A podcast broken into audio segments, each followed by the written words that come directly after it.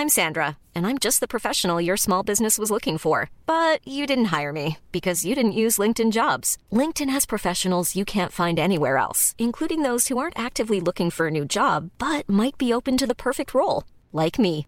In a given month, over 70% of LinkedIn users don't visit other leading job sites. So if you're not looking on LinkedIn, you'll miss out on great candidates like Sandra. Start hiring professionals like a professional. Post your free job on linkedin.com/people today.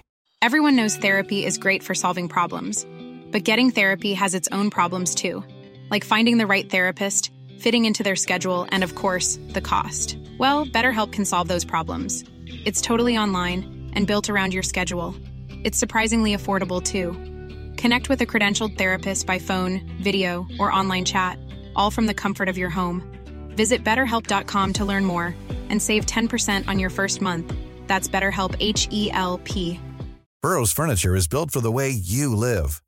From ensuring easy assembly and disassembly to honoring highly requested new colors for their award-winning seating, they always have their customers in mind. Their modular seating is made out of durable materials to last and grow with you. And with Burrow, you always get fast, free shipping. Get up to 60% off during Burrow's Memorial Day sale at burrow.com slash ACAST. That's burrow.com slash ACAST. burrow.com slash ACAST. Ja, episode to, sesong to. Dette opptaket gjorde vi 1. februar tidligere i vinter, da vi besøkte selveste Roy Snellingen hjemme i Oslo. Han var jo Norges ledende motocrossutøver på 80- og 90-tallet, men i nyere tid så er han jo mest kjent for sitt engasjement på fire hjul i motorsporten. da, Gjennom både engasjement hos Andreas Mikkelsen rett personlig, men ikke minst hos Even Management, da, hvor han nå er fast ansatt. Eh, Roy har jo ikke bare gode betraktninger og historier å komme med fra sin lange fartstid i motorsporten, men han forteller også dette på en helt forbilledlig måte. Så om du nå er i bilen, er på løpetur, er på stillaset, er på puta eller hvor enn det måtte være, så vil du virkelig ikke gå glipp av denne praten.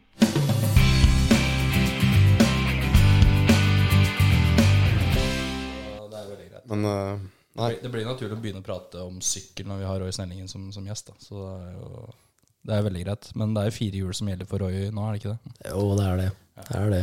Kommet dit, jeg òg. Du havna der. Er det ikke støttehjul du kaller det egentlig? Ja, det vi fleipa litt med det til å begynne med, i hvert fall. Så blei det litt sånn uh, fleiping med det. Men uh, ja. Det er, det er ikke noe støttehjul noe mer for min del heller. Men uh, jeg har jo kjent Roy i mange år. Du Alexander er ikke så kjent med Roy egentlig. Nei, jeg er jo kjent med navnet, på en måte. Jeg har jo fulgt med i miljøet og det som har røra seg rundt, men jeg har jo ikke noe kjennskap til deg eh, som person sånn sett, så jeg gleder meg jo til å høre, høre alt du har eh, erverva deg av eh, erfaring og opplevelser da, disse, disse åra her, og spesielt det prosjektet da, som er i gang nå, med Next Generation, var det? Så det, det er veldig spennende. Det som, det som slo meg en gang, bare tenk på liksom, hvor skal vi plassere Roy, hvor stor er Roy, altså alt de greiene her, da, er jo Det var en gang på Golden Goal hvor de skulle gjette på en motorsportutøver. Og den klarte ikke å komme på hvem det var. Det var Roy var ikke fasit, men Golden var sikker på at det var Snellingen. Og da tenkte jeg ok, hvis vi har kommet dit, da, da har den ikke så dårlig posisjon i norsk idrett, tenker jeg da i hvert fall. Jeg vet ikke hva du tenker sjøl, Roy, på 90, starten av 90-tallet. Hvor, hvor, hvor, vi skal snakke pent med meg sjøl, hvor stor var du egentlig på den tida? Nei, altså For det første så var det vel én uh, TV-kanal, uh, og det var NRK. Så var jeg noen gang på Sporten. Uh, og det er klart det fikk veldig mange med seg. Så det var Ja, det var litt annerledes den gang på den måten, da. Du har jo Wikipedia-profil. Den er ikke så lang, men den sier nok. Er det, det er ikke du som har skrevet den sjøl. Nei, jeg visste ikke at jeg hadde den engang. Der står det da Han vant 20 NM-gull i perioden 1989 til 1996. Vi snakker da motocross, bare så vi protokollfører det. Kongepokalen i 1995. Han har vunnet EM-sølv i motocross i 1991, året jeg ble født. Og har sjetteplass i VM. Og så måtte du legge opp i nett i 96 pga. et nakkebrudd, og gjorde senere comeback i bilsport. Og det er jo primært vi skal innom der til slutt. Men når vi da blar, ser den gullista på Wikipedia her, da, som noen har lagt inn for deg, da. Uh, har du blitt spurt om å være med på Mesternes mester? Uh, nei, det har jeg vel uh, ikke. Nei. Jeg har ikke det. Men er du klar hvis Jan Kvalheim ringer deg og spør? Ja, det, det har jeg ikke tenkt så mye på, men eh, det er morsomt med utfordringer. Altså, men eh, ja, jeg veit ikke. Det nakkebruddet der, det vi var så vidt inne på det rett før vi gikk på her. Eh, Beskriv lyden. eh, Jeg vet ikke om du fikk med deg den, Simen? Nei, da var jeg et helt annet sted. Ja. Men Fortell om det nakkebruddet, for det var en Jeg, skal, jeg vet ikke om fascinerende er riktig ord, men jeg velger å bruke at det var en fascinerende fortelling. ja, nei, det, det var litt guffent, for det, eh, dette var på en EM-runde i Tyskland, og det var et eh, hopp ned en bakke og noe greier. Da, og forhjulet sklei unna, så kom jeg opp ned baklengs ned bakken der og hoppa vel en 35 meter og landa på huet. og Idet jeg landa, så var det som å ta et sånt bambusrør og knekke over låret. Og, og den lyden der, den, den, eh, den blir jeg liksom aldri helt kvitt. Nei, Så det er sånn du kan eh, nesten våkne i mareritt om natta eh, av den? da, Fordi at den sitter så godt i minnet, eller? Nei, det vil jeg egentlig ikke si, men eh, det er en lyd som liksom Den, den sitter bak der, altså. Men bare for å protokollføre det, du sitter her frisk og rask og ved alle fulle fem. Ja, så noenlunde. Jeg er vel egentlig 17,5% ufør, faktisk. 17,5 du. Ja. Ok, hvor Fortell. Hvor, hvor kommer den formelen fra? Ja. ja, den halve prosenten, f.eks. Uh, nei, det Jeg måtte jo slutte. Jeg kjørte jo profesjonelt i ti år. Og jeg var jo 26 da jeg måtte slutte, og det var jo ikke planen. Men eh, da, da klarte liksom ikke kroppen mer. Eh, jeg, jeg brakk ryggen en gang også. Så eh, Men jeg hadde ikke så mye skader, men det var sånn at når det først de ganger det smalt, så smalt det litt ordentlig. Det er ikke sånn at hvis André Villa eller Ailo Gøp sitter og hører på noe, så sitter de egentlig bare og gapskratter, eller? ja, nei, det var en, det var en lengre skademerittliste enn det jeg har, da. Så, men eh, da kan jeg vel eh, eh, Jeg holdt på å si vi, vi har litt humor da, hadde i motocrossen med skader og sånn, så, så da kan man jo si, kan man jo kanskje skryte av de skadene. Så, men vi, vi diskuterte jo hvor den beste ambulansen, eh, den beste ambulansen vi hadde kjørt og sånn, det var litt sånn diskusjon innimellom. Hvor, eh, hvor har den beste ambulansen vært? Nei, det var helt klart Tyskland. Altså. Det, den var helt rå. For det når ambulansen bremsa, så gikk liksom senga sånn Den fulgte svinger og sånn. Da. Så den liksom gikk opp i doseringer og sånn. Og, og den verste jeg har kjørt, det var, eh, det var i Ungarn. Da, da kjente jeg det at eh, ja, jeg blei ganske fort eh, mye bedre når jeg kom inn i den ambulansen her. Ja, Jeg vet ikke hva som er med deg eh, fra Finnskogbanen 2009, Alexander, eh, og ambulanse. Nei, jeg, jeg har ikke, jeg har ikke noe Jeg, jeg har ikke rata ambulanser. Jeg har ikke kjørt så mye, men det var jo sikkert fint. Eh, Jeg har liksom ikke noe å sa- sammenligne med. Men når man har sånne type skader som du har, er det da på en måte lettere å akseptere å måtte gi seg, eller er det da enda mer bitter? Eller tenker man liksom at nå har jeg vært heldig, nå har jeg vunnet i Lotto kanskje to ganger, da, rygg, nakke, og heller tenke at ok, det var det jeg fikk til nå, og så mens jeg ennå er ja, x antall prosent 83,5 igjen. Eller 82,5. Ja. 82,5 eh, frisk, da. eh, Gå videre med, med å gjøre noe annet. Det blir jo omtrent som å sjekke batteri på mobilen. 83 er jo ikke så gærent, da. Nei, nei. Det er en veldig god innstilling til livet, spør du meg. Ja. Ja, ja. Men, men er det da lettere å tenke at ok, jeg har vært heldig eh, selv om jeg har vært uheldig, og så gikk det utover karrieren, men jeg klarer fortsatt å gå. Er det, er det lettere da, eller er det fortsatt bare irriterende? Nei, jeg vet hva, det var aldri noen tanke på liksom å slutte. Uh, og det var mest irriterende. Eh, så eh, Og det var liksom Jeg husker siste gang jeg kjørte, da, så da hadde jeg hatt noen skader. eh, og jeg husker liksom Jeg brukte en kartong med teip for å komme tilbake på opptrening gjennom høsten og vinteren. Så dro vi til California, og det var jo da Da hadde jeg fått en ny smell i nakken. da. Og, og da husker jeg vi var og kjørte på et område, og idet jeg begynte å kjøre, så visste jeg at dette var siste gang jeg satt på sykkelen. Og jeg skulle kjøre 30 minutter, og det var verdens røffeste bane. Og jeg husker jeg, jeg gråt hele økta, men jeg tenkte jeg skal kjøre den økta, uansett hvor vondt jeg har. Så stoppa jeg hos mekanikeren min, og så sa jeg at vet du hva, nå, dette er siste gang jeg sitter på en sykkel, nå kan vi reise hjem. Og det gjorde vi, og det var siste gang. Ikke kjørt uh, motocross siden? Nei, Jeg har kjørt sånn Nei, absolutt ikke noe aktivt. Men jeg har sittet på sykkel og kjørt lite grann. Men, Du har det veldig liksom moro med unga, holdt jeg på å si. Har ikke det? Når, eller om ikke unga, men i hvert fall unga i given, da, for eksempel. Eller andre Du har vel, du, du har vel balansen inne, vil jeg tro. Ja da, det, man har eh, kjørt litt for gøy, da, men eh, den aktive karrieren og, og det er klart, etter den siste smellen, da, så, så, så skjønte man jo det at eh, ja, man har dratt det for langt. Og, og, og jeg har jo slitt i perioder med nakken også, så, så når jeg liksom kom helt dit, da, da skjønte jeg at det var slutt. Men det var jo ikke det jeg ville. Da må vi etter hvert eh, Altså, vi har jo ikke med Roy for ingenting i podkasten. Det er tross alt fordi vi veit han har litt av hvert å bjuda på historier. Um, en som kan dra oss over til bilretningen. Da må jo nevne at du har jo vært opp ned i rallybil med Andreas Mikkelsen som, som kartleser. Eh, og Mikkelsen er litt sånn synonymt med din vei inn i bilsport. I hvert fall til at du fikk en slags posisjon da, i norsk bilsport. Den begynte jo med Andreas. Men du har jo hilst vel på Andreas i helt andre former enn med kjøredress og hjelm som tenåring. Ja, det, det er helt riktig, for Andreas han var med på å starte min profftilværelse når han var en liten baby. og Da lå han i en sånn liten kurv foran på et uh, fly til USA, hvor jeg da skulle starte min profesjonelle karriere. Da. Så da var han bare en liten baby. Så egentlig har dere fulgt hverandre hele det, hverandres aktive karrierer? dere da? Ja, det, man har faktisk det. Han, han bodde en, en, del år i Sveits. Uh, da så jeg lite til han. Uh, men bortsett fra det, så helt klart. Men uh, hva var den turen til USA? Du skulle starte karrieren. Hvorfor var Andreas i en liten kurv på et fly når du skulle begynne å kjøre motocross? Jo, vet du hva, det var Steinar, faren til Andreas. og altså Andreas har jo en søster, og henne, henne kjørte motocross, Katrine. Uh, Dreiv med alpint, da, som Andreas også begynte med etter hvert. Og dem hadde jo sett Ingmar Stenmark uh, hadde brukt motocross som trening, så det gjorde jo dem. Og så blei vi kjent på banen. Uh, og det året så hadde jeg ikke noe sånn spesielt Altså, sykkelen var ikke rask nok. Uh, og, og, Steinar, han Jeg prata jo masse med han, han kom og spurte og gravde og alt mulig. og og sånne ting. Og, og, så sa han 'Hvorfor har du ikke noe bedre sykkel?' altså?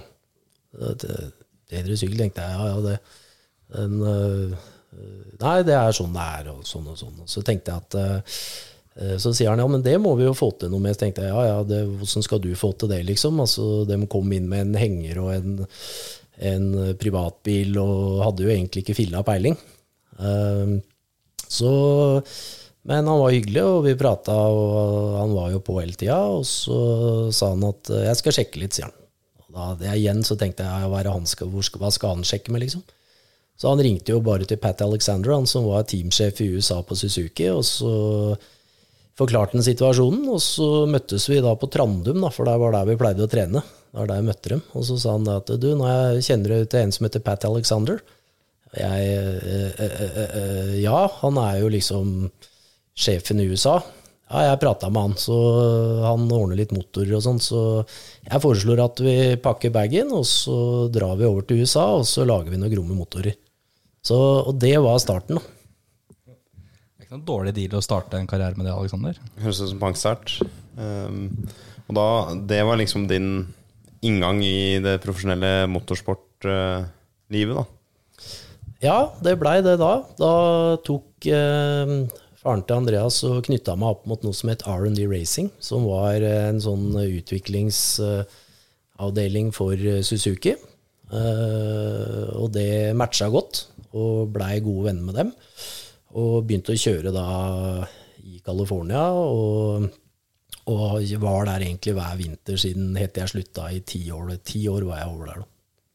Og da, det jeg sa da, det, da sa jeg til, Andrea, sa jeg til Steinar da når vi satt på flyet over, så pekte jeg på Andreas og sa når han blir stor, da skal jeg lære han å kjøre motocross.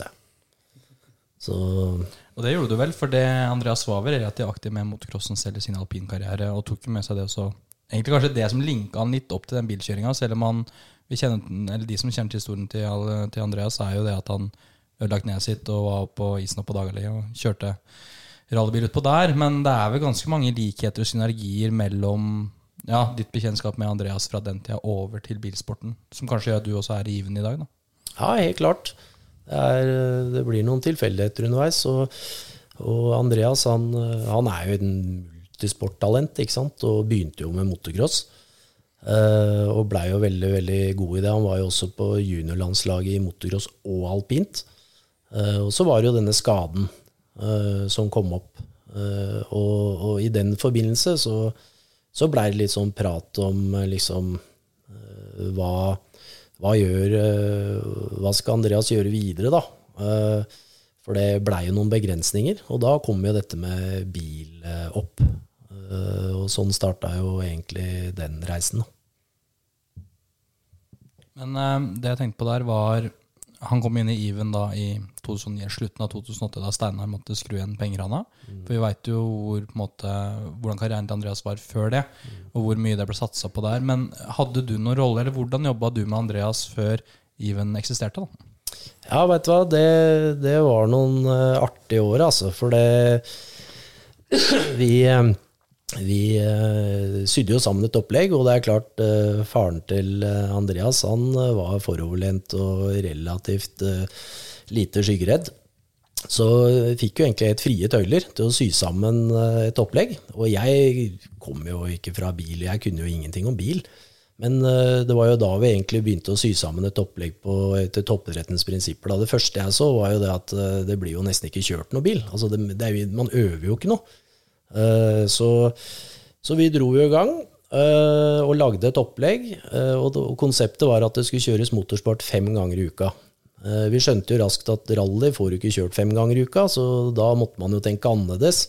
Så da blei det jo å kjøre gokart, vi var innom trail, vi kjørte motocross, vi, vi kjørte bane, vi kjørte absolutt alt som dura. Eh, og det første vi begynte med, det var jo Andreas gikk jo på NTG på Geilo, for det var jo i forbindelse med ski. Eh, men eh, da begynte vi å kjøre på isen der oppe. Kjørte hver dag. Kom i kontakt med Tor Larsen, som dreiv da flyplassen der oppe med kjøring og sånn, så han hadde jo masse gamle biler, forhjulstrekkere og bakhjulstrekkere og alt mulig. Så jeg husker jeg ringte Thor og sa at jeg har en ung utøver her, og vi skal begynne å kjøre bil og sånn og sånn. Så han kom da litt på glid og, og sånne ting, og satt oppe i flytårnet der og leste avisen og tenkte på Og det har han sagt til meg seinere og lurt på hvilken tullinger som kom opp her, liksom. og og hadde de ambisjonene som vi hadde, da. Eh, Men som han sa, at eh, ettersom dagene gikk og ukene gikk, så blei den avisen mindre og mindre lest, for han så jo at gutten hadde talent, da. Så, så da kjørte vi hele vinteren eh, med alt. eh, forskjellige typer dekk. gamle biler, og så etter hvert så gikk vi til innkjøp for en Evo 6,5. Eh, en Mekken edition, husker jeg. Den var så fin. Eh, og så kjørte vi med den, og så fant vi ut at uh, vi må jo ha en til, så vi kan kjøre sammen. Så da blei det å kjøpe en sånn Subaru gruppe N N11.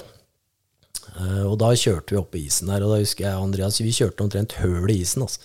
Det var eh, Gud veit hvor mange runder vi hadde oppå der. Eh, så, eh, og så, når vi hadde kjørt eh, gjennom vinteren da, Andreas var jo da Han var jo da Han, han var vel Ja, han var 16 når han begynte. Uh, og uh, da uh, Når vi nærma oss påsken, så, så husker jeg da Skulle jeg og Andreas være med Cato og Henning og få sitte i baksetet i forbindelse og liksom bli introdusert for noter, da. Og det husker jeg jo Henning og Cato tror jeg hadde vært på en liten snurr, forresten. Så det, det var eh, Vi var ganske store i øya, og, men vi satt jo bak i den der bilen der og surra gjennom eh, noen etapper og greier, da. Eh, Og så fant man jo da ut at vi, vi hadde en teori, da, at, at Altså, det er jo sånn at når man altså sånn Teoretisk sett, når du blir 19 år, så begynner du å frembringe frykt. Så vi fant jo ut at vi måtte få mye fart i kroppen før gutten var 19 år. Så da tenkte vi ja, ja, øh, kanskje vi skulle kjøpe en eh, VRC-bil, da. Så Så enkelt som det, altså. ja, så, for det ressursene var jo der, da. Så, og da husker jeg, da satte jeg på med Henning hjem fra, fra den uh, notetreninga, da. Og han prata jo til meg om denne bilen, og det var differ, og den var fin, og alt. Jeg kunne jo absolutt ingenting, ikke sant. Så det var jo som har pratet til veggen. Men eh, vi dro hjem til Spydeberg. Han fyra opp den VRC-bilen der, og han banka rundt eh, på tunet der og på kryss og tvers og skulle overbevise meg om hvor den bra den bilen var. ikke sant? Jeg kunne jo ingenting. så det var jeg, og Jeg husker Maud sto på kjøkkenet og lagde mat. Du løfta ikke på øyebryna engang. Altså, når vi kom én millimeter fra husveggen der med den VRC-bilen, det husker jeg nesten var nesten det jeg var mest imponert over. Der tror jeg de var vant til at det skjedde ting.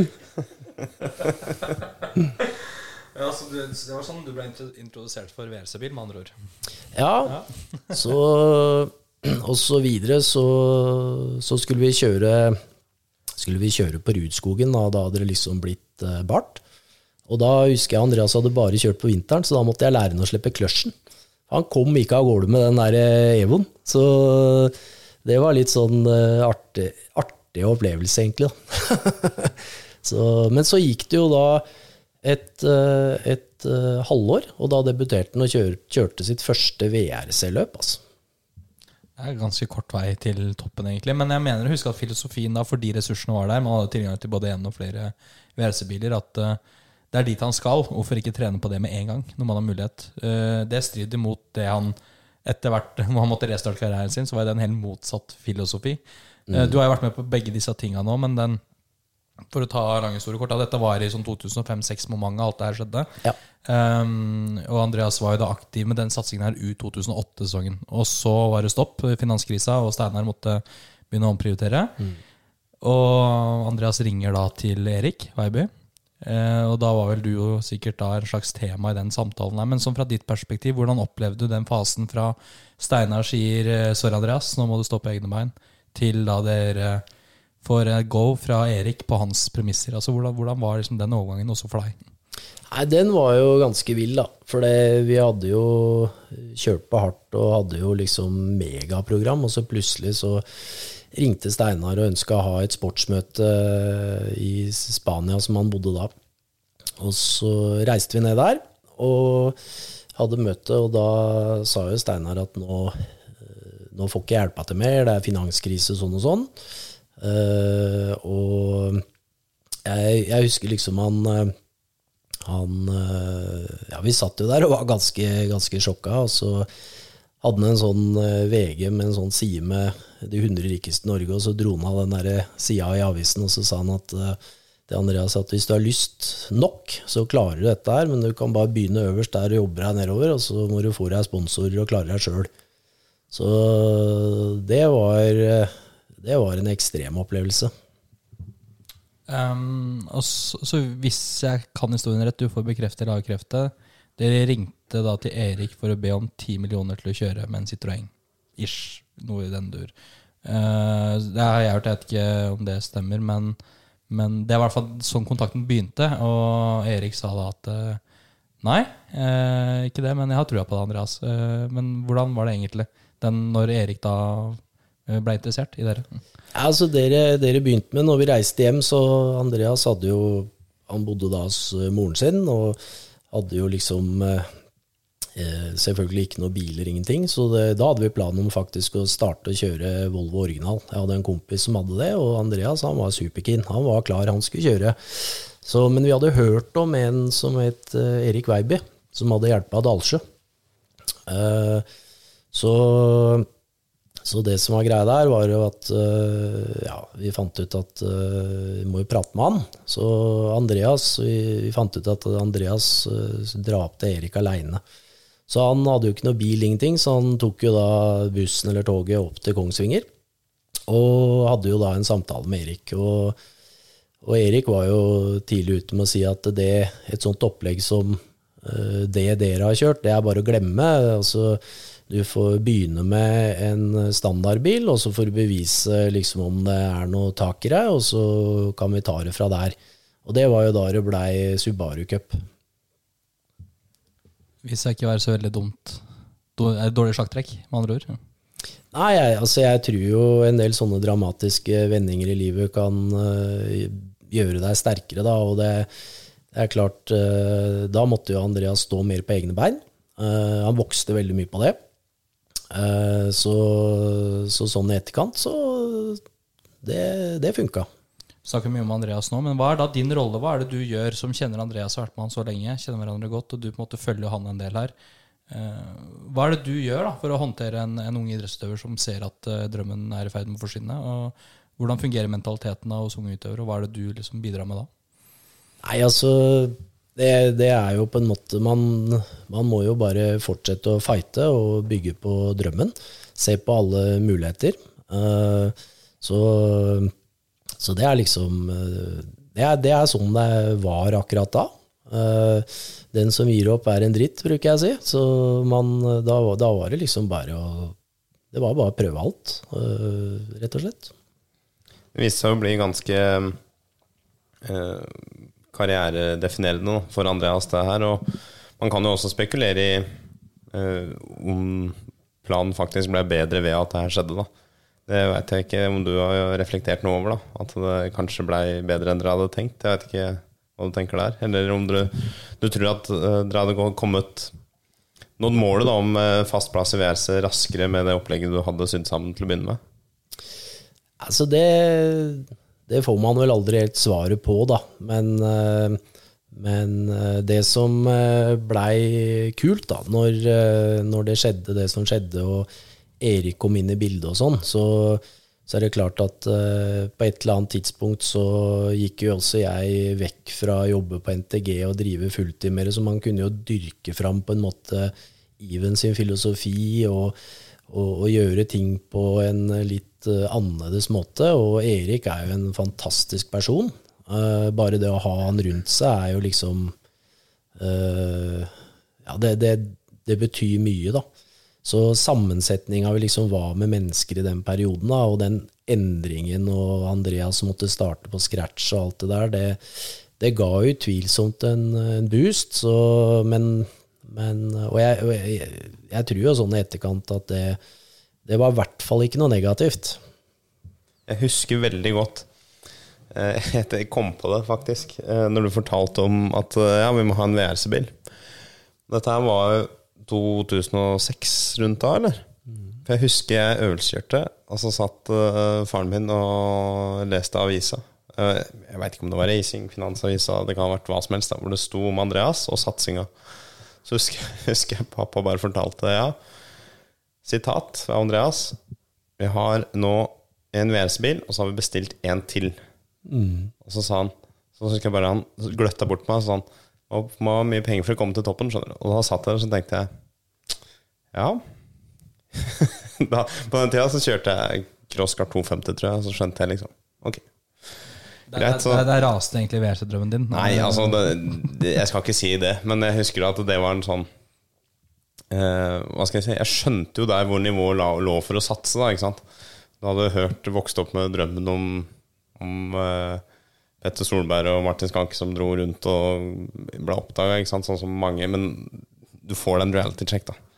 Kanskje. Men uh, det, det, var ikke noe ødeleggende for meg. Det er ikke det jeg sier. Men uh, altså, alt vi har snakka om nå, det bygger opp til det Even Management er i dag. Det heter jo Even Rally, og så skulle dere inn på andre grener etter hvert, så det ble jo management. og det har jo blitt en verdenskjent talentfabrikk, faktisk. Um, og så er det sånn når eh, man er godt nok etablert, så forlater de jo redet nå, så nå står jo Andreas på egne bein. Men jeg vet at dere alle har jo god kontakt i dag. Men, men det må, og du har jo selvfølgelig vært en viktig brikke å bygge opp Even da, som en sportssjef som kommer fra toppidretten og har lite bilsportbakgrunn. Det er ikke noe god motorsportbakgrunn, men hvordan din idrettsfilosofi, da, hvordan har du overført den til motorsporten? Og på en måte, hva er det du har, kan du si har tilført motorsporten, da, som kanskje ikke var der før?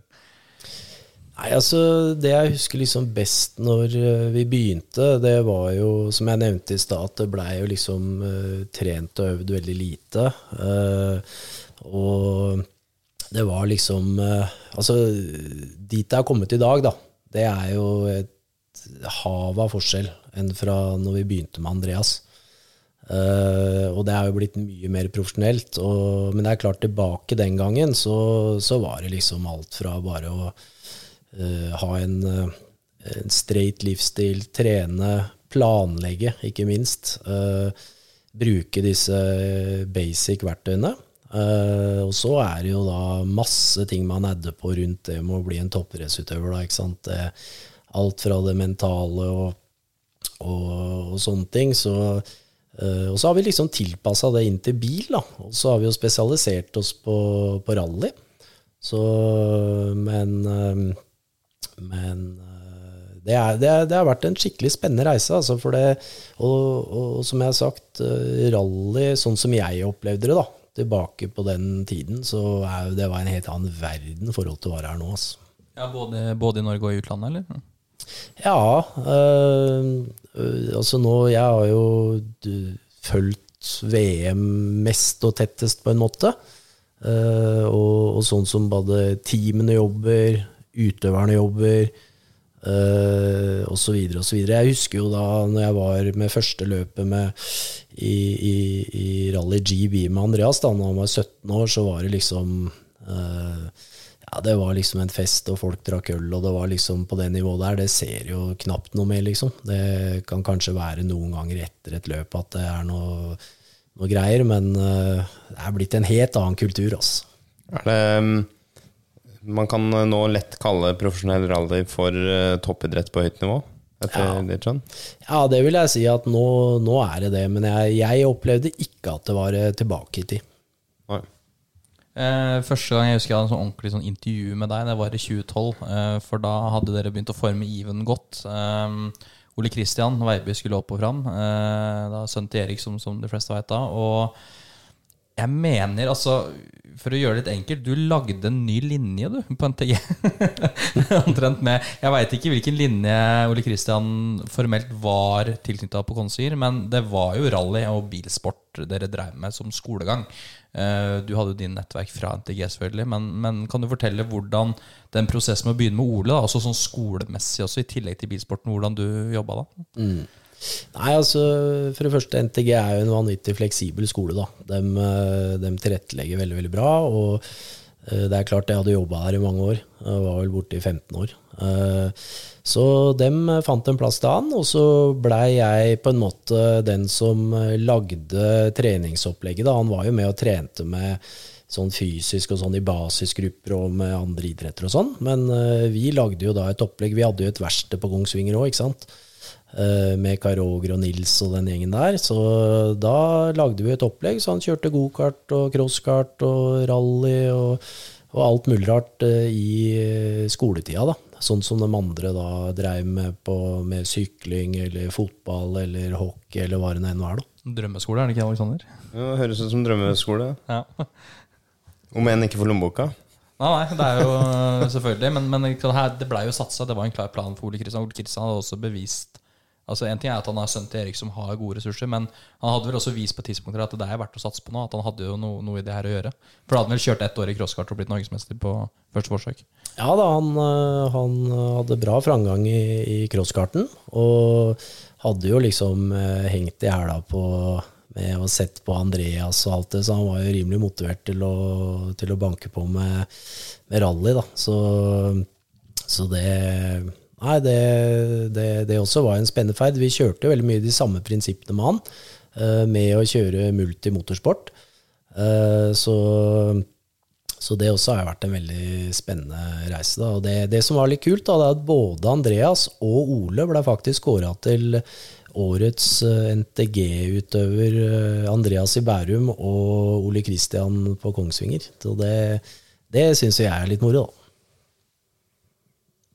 Nei, jeg, Alexander Blastum, er sitter du og drømmer om å sende sønnen din på en sånn skole etter hvert? Er det det du, det, det du sitter og tenker på nå? Nei, eh, men det jeg faktisk tenker på, som jeg syns er litt gøy, da med Hvis vi går litt eh, hopper noen år fram til da det prosjektet er med nå, med Carl Peder.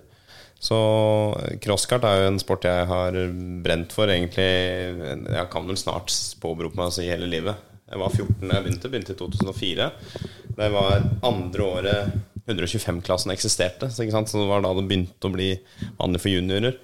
Og Crosskart har på en måte aldri hatt noe ordentlig høy status i uh, bilsport, og det er på en måte greit nok, men jeg syns det er veldig gøy å se at uh, Carl Peder nå er, kommer fra crosskart, blir tatt med videre til det programmet. Uh, Ole Kristian har vært gjennom crosskart. Uh, Pontus, ikke minst. Pontus har vært gjennom crosskart, det var første gang jeg møtte Pontus der. Og, Og, og så videre. ja, og så har vi da uh, unggutten fra Hamar, som, er nå, uh, som vant Bilsporttalentet, da. Ja, Tobias Spangen. Ja, Spangen, selvfølgelig. Ja. Uh, som uh, har drevet med Han har kjørt litt prinsippet som dere har gjort, har drevet med multi, multigren. Men hvis du tar crosskart, da, som du nå har fått litt kjennskap til, hvor, hvor god gren er det å starte i for, for noen som ønsker, drømmer om å nå et mål langt opp i bilsport?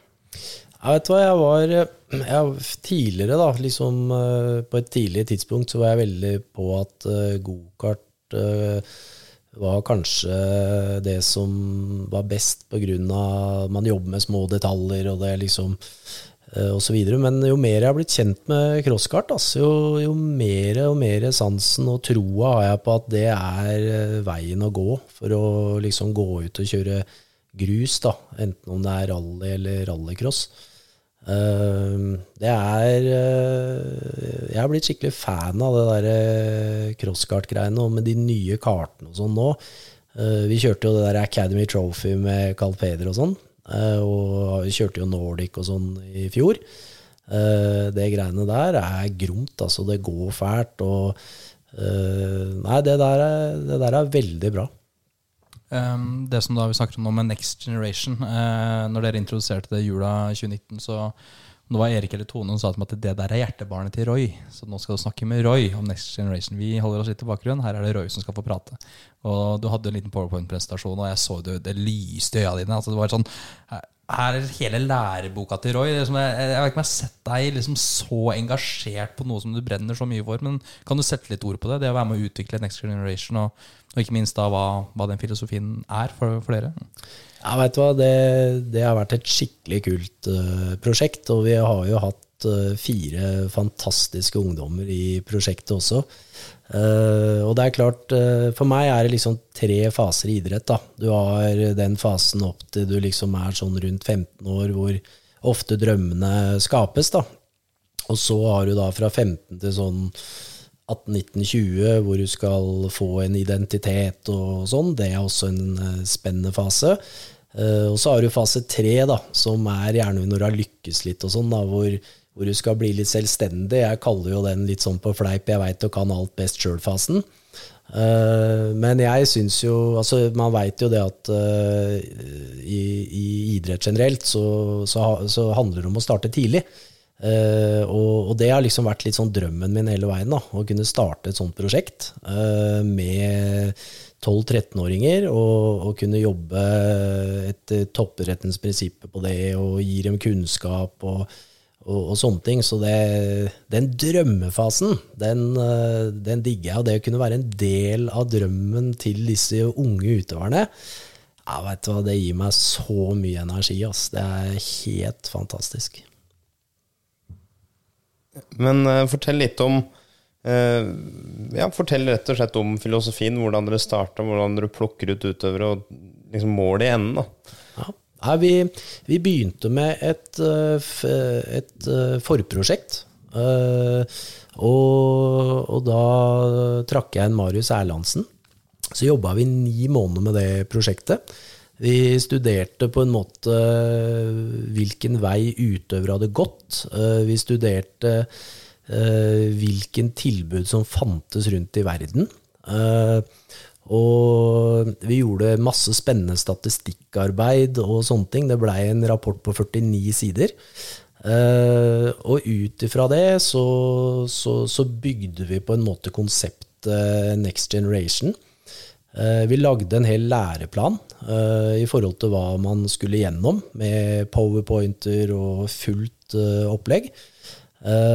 og det var jo basert på at vi henta inn da det som skjedde i utlandet, men ikke minst så titta vi jo på andre store idretter som hadde hatt suksess. Så para vi jo dette her og, og, og tilpassa det. Og så traff vi jo en litt sånn merkelig tid, fordi coviden kom. For det, vi tenkte det at uh, hvordan skal vi få opp treningsmengden på disse utøverne, da?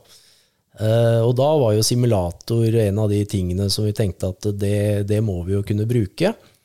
Eh, og det blei jo mye mer nyttig enn det vi eh, egentlig ante. Eh, og det begynte jo med den ideen at vi skulle bygge én, og så skulle da utøvere komme på kontoret og trene. Men så etter hvert som prosjektet gikk, da, så fant vi ut det at én hver, det er jo enda bedre, for da kan de ha den hjemme, og da kan vi jo trene hver dag.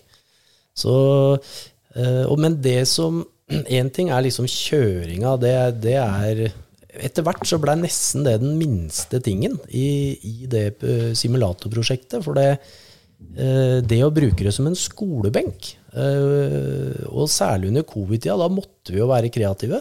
Og det funka så bra, for det, vi kjørte jo Altså, du har jo fire skjermer. Vi kjørte jo undervisning. Kjørte treningslære, vi jobba med forberedelser til løp og, og kjørte simløp, men forberedelsene er jo veldig like. Eh, vi lærte om evalueringssystemer, eh, og, og vi jobba jo sammen. Vi hadde jo, Første året hadde vi vel ca. 300 økter på simulator. Eh, på det verste så trente vi tre økter om dagen. Før skolen, etter skolen og på kvelden. Det var jo litt i forbindelse med dette NM-løpet som skulle gå, da, som vi blei kasta ut i. Eh, så, så det, det, var liksom helt fantastisk. Og, og kjøringa er jo fin i seg sjøl, men, men, det å bruke det som en skolebenk, det er helt fantastisk. Det er som å si, altså, Covid var ikke planlagt der. for Dere lanserte dette her i desember, eller 18.-19. desember eh, 2019.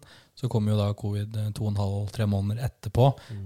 Midt i oppkjøringa til da Sim Racing NM, og jeg blei jo med på det sjøl i den tida. Jeg blei dratt med i det suget sjøl, som mange andre. Um, så dere fikk vel også En ting er at dere satser for dere, og dere fikk jo med Tommy Østgaard, selvfølgelig, som er jo den store guruen av simracere i Norge.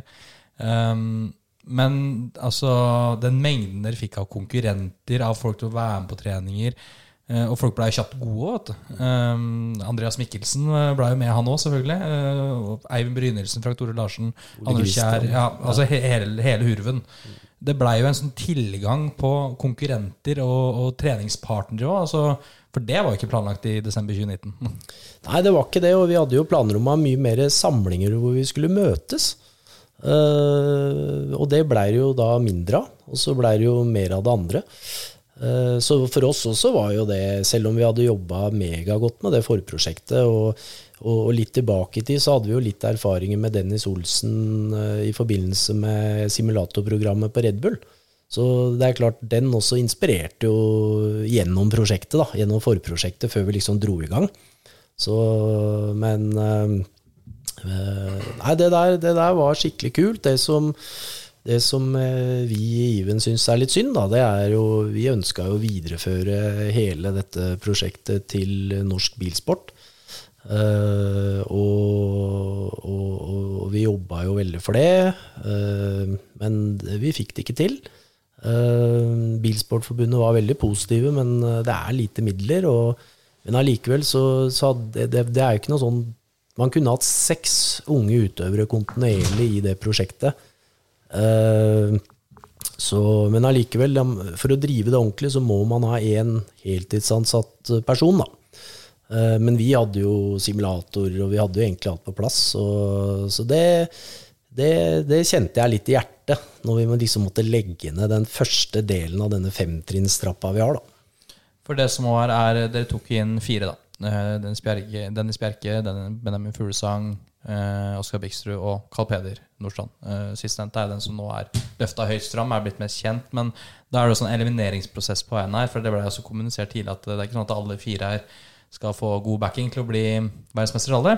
Så det er jo sånn intern konkurranse her, og det å begynne å eliminere da, Jeg vil jo tro alle fire her har jo jobba med, med, fullt hjerte inn her for å, for å nå toppen. og det er en del av idretten, det òg. Eh, akkurat som å sende folk hjem fra Idol og The Voice Auditioner òg. Men altså, åssen er det for deg å, å sitte på den sida av bordet og, og, sende folk hjem? Nei, det, det, det er knallhardt, da. For vi blei så tett. Man kommer så veldig tett på denne ungdommen. da. Eh, og vi skulle jo egentlig bare drive det ett år. Eh, men eh, det blei jo to år med alle fire. Eh, så, så det var liksom Og så blei det jo da ett år til med Oskar og Carl Peder. og vi fikk jo ganske tidlig, da når vi gjorde det bra i simracing, så, og, og Tommy var jo Koanda. Og, og, og, det er klart, Koanda dem Tommy fortalte jo masse, og de syntes jo det var spennende sånn som vi jobba og tenkte. Så det, disse fire ungdommene blei jo også juniorteamet til Kwanda, som eh, mange mener kanskje er og har vært verdens beste simlag. Eh, og da, når vi gikk, inngikk den avtalen med Coanda, da, og vi visste jo at sannsynligheten da, for at vi får fire profesjonelle motorsportutøvere eh, Altså vi har ikke finansielle muskler til å dra fire utøvere. Da blei jo også målet å prøve å få én til å bli profesjonell simracer. Så det, det var liksom litt av, uh, litt av gulrota for Coanda også, da. Og Oskar han blei jo yngste Jeg tror han fortsatt er yngste. Er mulig nå, det veit jeg ikke, men han var i hvert fall den yngste gjennom tidene som kvalifiserte seg til VM i simracing. Så det var kjempekult, altså. Nå er det jo da Carl Peder som det satses mest på. Uh, Veit ikke om Oskar er med videre nå lenger. Jo da, Oskar er en del av oss. Nå er hans hovedfokus nå, det er simracing. Mm. Så uh, Så han får bli litt proff på en måte innen, innen det segmentet. Men han er jo også en gokartfører, og etter hvert uh, vet ikke, Han har prøvd litt, prøvd litt i rally også. Ja. Oskar er fantastisk god, og, og, og, det liksom når vi kom ned i gata der, og, og jeg, Målet mitt var å kunne dra begge to videre i rally. Men det er kostbart, så, så, vi måtte liksom eh, gjøre noen valg. og Oskar har et ekstremt talent i simracing og hadde en fot innafor der. Eh, Carl Peder har alltid vært veldig tydelig på at simracing er trening. Han, det er liksom real life. Så, så det var en uh, tøff, kjedelig, vanskelig prosess. Men Carl Peder blei det, da. Hva forventa dere, eller hva, hva måtte en utøver levere, da? for å ende opp på det nivået som Carl Peder er nå hos dere? For å bli last man standing? Ja, vet du hva, det, det, handler om å utvikle det hele mennesket, da, ikke sant. Og, og, det er klart, det er jo idrett. Uh, dette går jo på, på flere ting. Det ene er jo selvfølgelig resultater. Uh, hva man leverer, hvor fort man lærer. Men det er klart, alle disse fire her er vanvittig talentfulle. Så, så det er klart, det er jo den kjedelige delen da, med å drive et sånt selekteringsprogram. Virkelig. For det, man blir jo veldig glad i alle sammen. Og det er jo, alle fire er jo så fantastisk fine gutter. Jeg ringte deg jo dagen før dere skulle lansere. Litt sånn bakgrunnssjekk. Og så var det sånn, du var jo veldig prinsipiell på at eh, på det tidspunktet Jeg skulle ikke få høre off-rack engang hvem som er med på det her. Men så hadde jeg sett på Facebook litt tidligere på dagen eller dagen før at uh, her er Carl Peder ute og går på ski. For jeg har jo følt Carl Peder som crosskartutøver. Bare så seriøs han har blitt, da. Og så sa jeg til Roy bare sånn um, Du trenger ikke bekrefte eller avkrefte noe, men jeg blir vel ikke overraska om Carl Peder er en av de fire i morgen, eller? Og du spruter ut i latter uten å si så mye mer. Uh, men det er jo så typisk Alpeder. Peder. Jeg vil jo si at Han tilfører bilsporten nå noe vi har, som har vært en mangelvare siden Petter Solberg, egentlig, og det er jo karakter. Eh, og det veit han har vært siden han var bitte liten. Det vet du, Alexander, som har fulgt den som 6-7-8-åring i crosskart. Eh, samtidig har jeg også vært spent på Er han så mye karakter at det kan gå utover da, den sportslige evnen. Blir han heit i toppen? Eh, men det virker som dere har klart å forme Og Han er sikkert veldig bevisst på sjøl, men dere har klart å, å, gjøre også noe med huet hans òg, sånn, sånn idrettslig. Ja, vet du hva. Det, Carl Peder er jo han har jo en sånn X-faktor. Og så er det, Jeg bruker jo å si, jeg har liksom sagt det litt på veien, da, det å coache Carl Peder, det er som å gå med en pistol i tinningen til enhver tid. Du, du, du, litt sånn russisk rulett, da. For det, det, er aldri kjedelig å være med han. Og det er klart, noen ganger så går det ordentlig på trynet, og andre ganger så kan han levere helt vanvittige resultater, da. Så, men det er klart det har vært en lang prosess nå inn mot rally. for det det er som jeg sier til en, at eh, hvis du skal kjøre rundt og være cowboy og liksom lever ditt eget liv og ikke på en måte klare å følge en progressiv plan, eh, så kommer du aldri til å lykkes i rally, for da er den lommeboka tom før vi har kommet tre måneder ned i gata her. Så vi har jobba veldig mye med det med Carl Peder, og nå har vi jo kjørt en 120 mil med fart. Uh, han har kjørt tre konkurranser, to i R2-bil og én i, en eh, R5-bil. Og han har treffet en høyball. Det er det eneste han har gjort på 120 mil med fart. For Spørsmålet er jo, som jeg også ba journalistkollega Joakim spørre Carl Peder om når, vi, når dere presenterte planen om R5 nå, ikke litt tidlig. Han Kjørt to løp i R2-bil. Ett løp på en banetrasé med R5-bil, og så dundre rett på R5 i latvisk rally. Men altså, er det ikke sånn at eh, er man god nok, er man gammel nok? Ja, det er nettopp det, så jeg er litt interessert i å høre Roys betraktninger rundt nettopp det. Hvorfor det faktisk ikke er da, som er rett å tenke, for tidlig. Ja.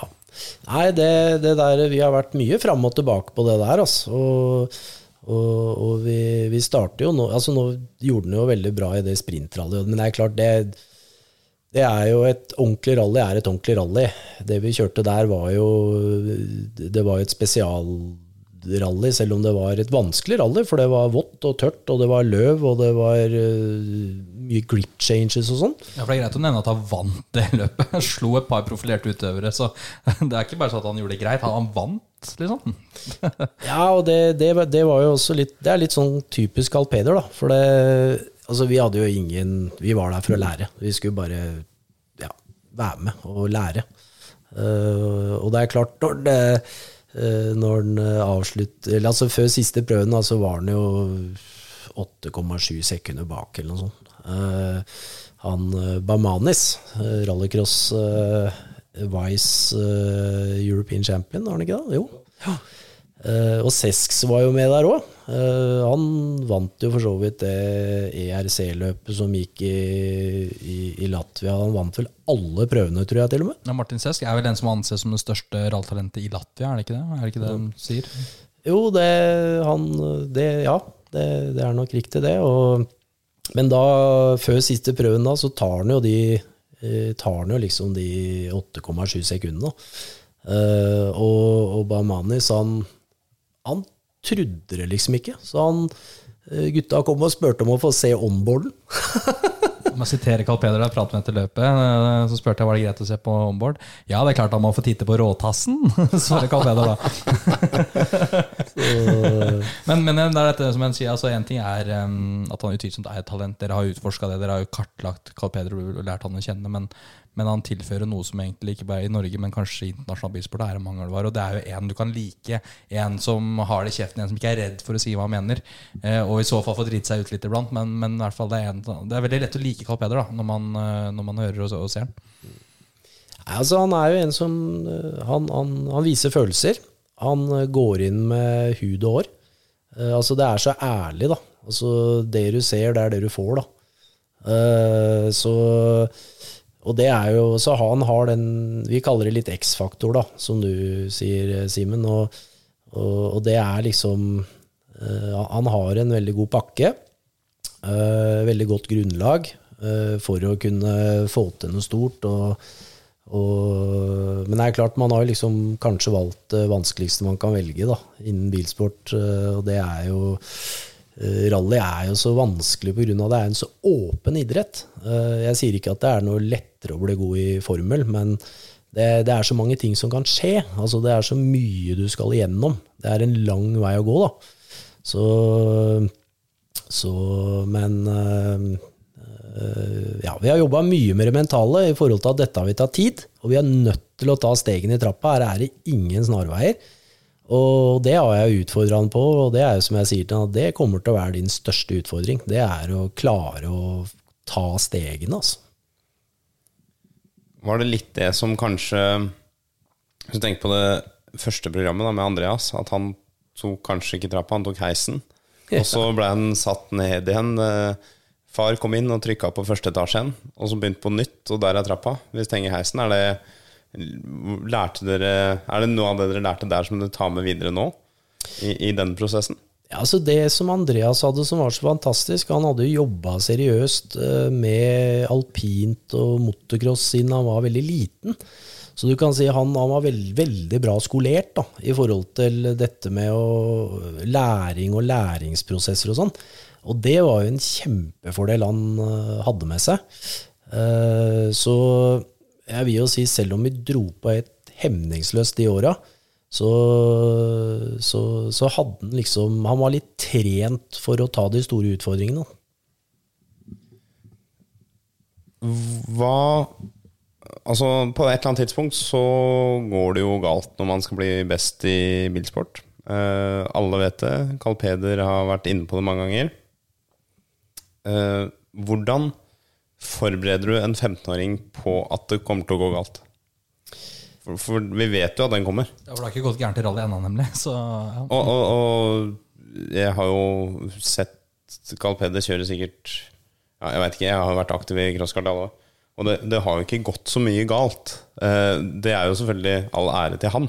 Men på, på et eller annet tidspunkt her så bruker du opp noen biler, da. Ja. Men, eh, og den, den smellen kan jo bli potensielt eh, voldsom, og det kan, kan være Uansett hvor erfaren du er i bilsport, så kan det også være skremmende og opplevende og sånt. Eh. Så, så hvordan går dere inn og forbereder på, på det her? Nei, altså Det, det er jo eh, man, man, man, Altså Når man driver med ekstremsport, da, man, når du er 15 år, du, du skjønner ganske mye uh, allerede da med at uh, dette er ikke noe ufarlig greie, liksom. Uh, men det går jo på Altså, man må jo jobbe med forberedelser, man må jobbe med rutiner, man må øve og trene og alt mulig, ikke sant. Det, og, og du, du tryggere blir du på deg sjøl, og vi, vi prater jo helt åpent om det. altså For hver dag som går, så nærmer man seg en dag hvor det kommer til å smelle skikkelig. For det er vel ingen som har drevet med bilsport på høyt nivå som ikke har hatt noe ordentlig harde krasjer.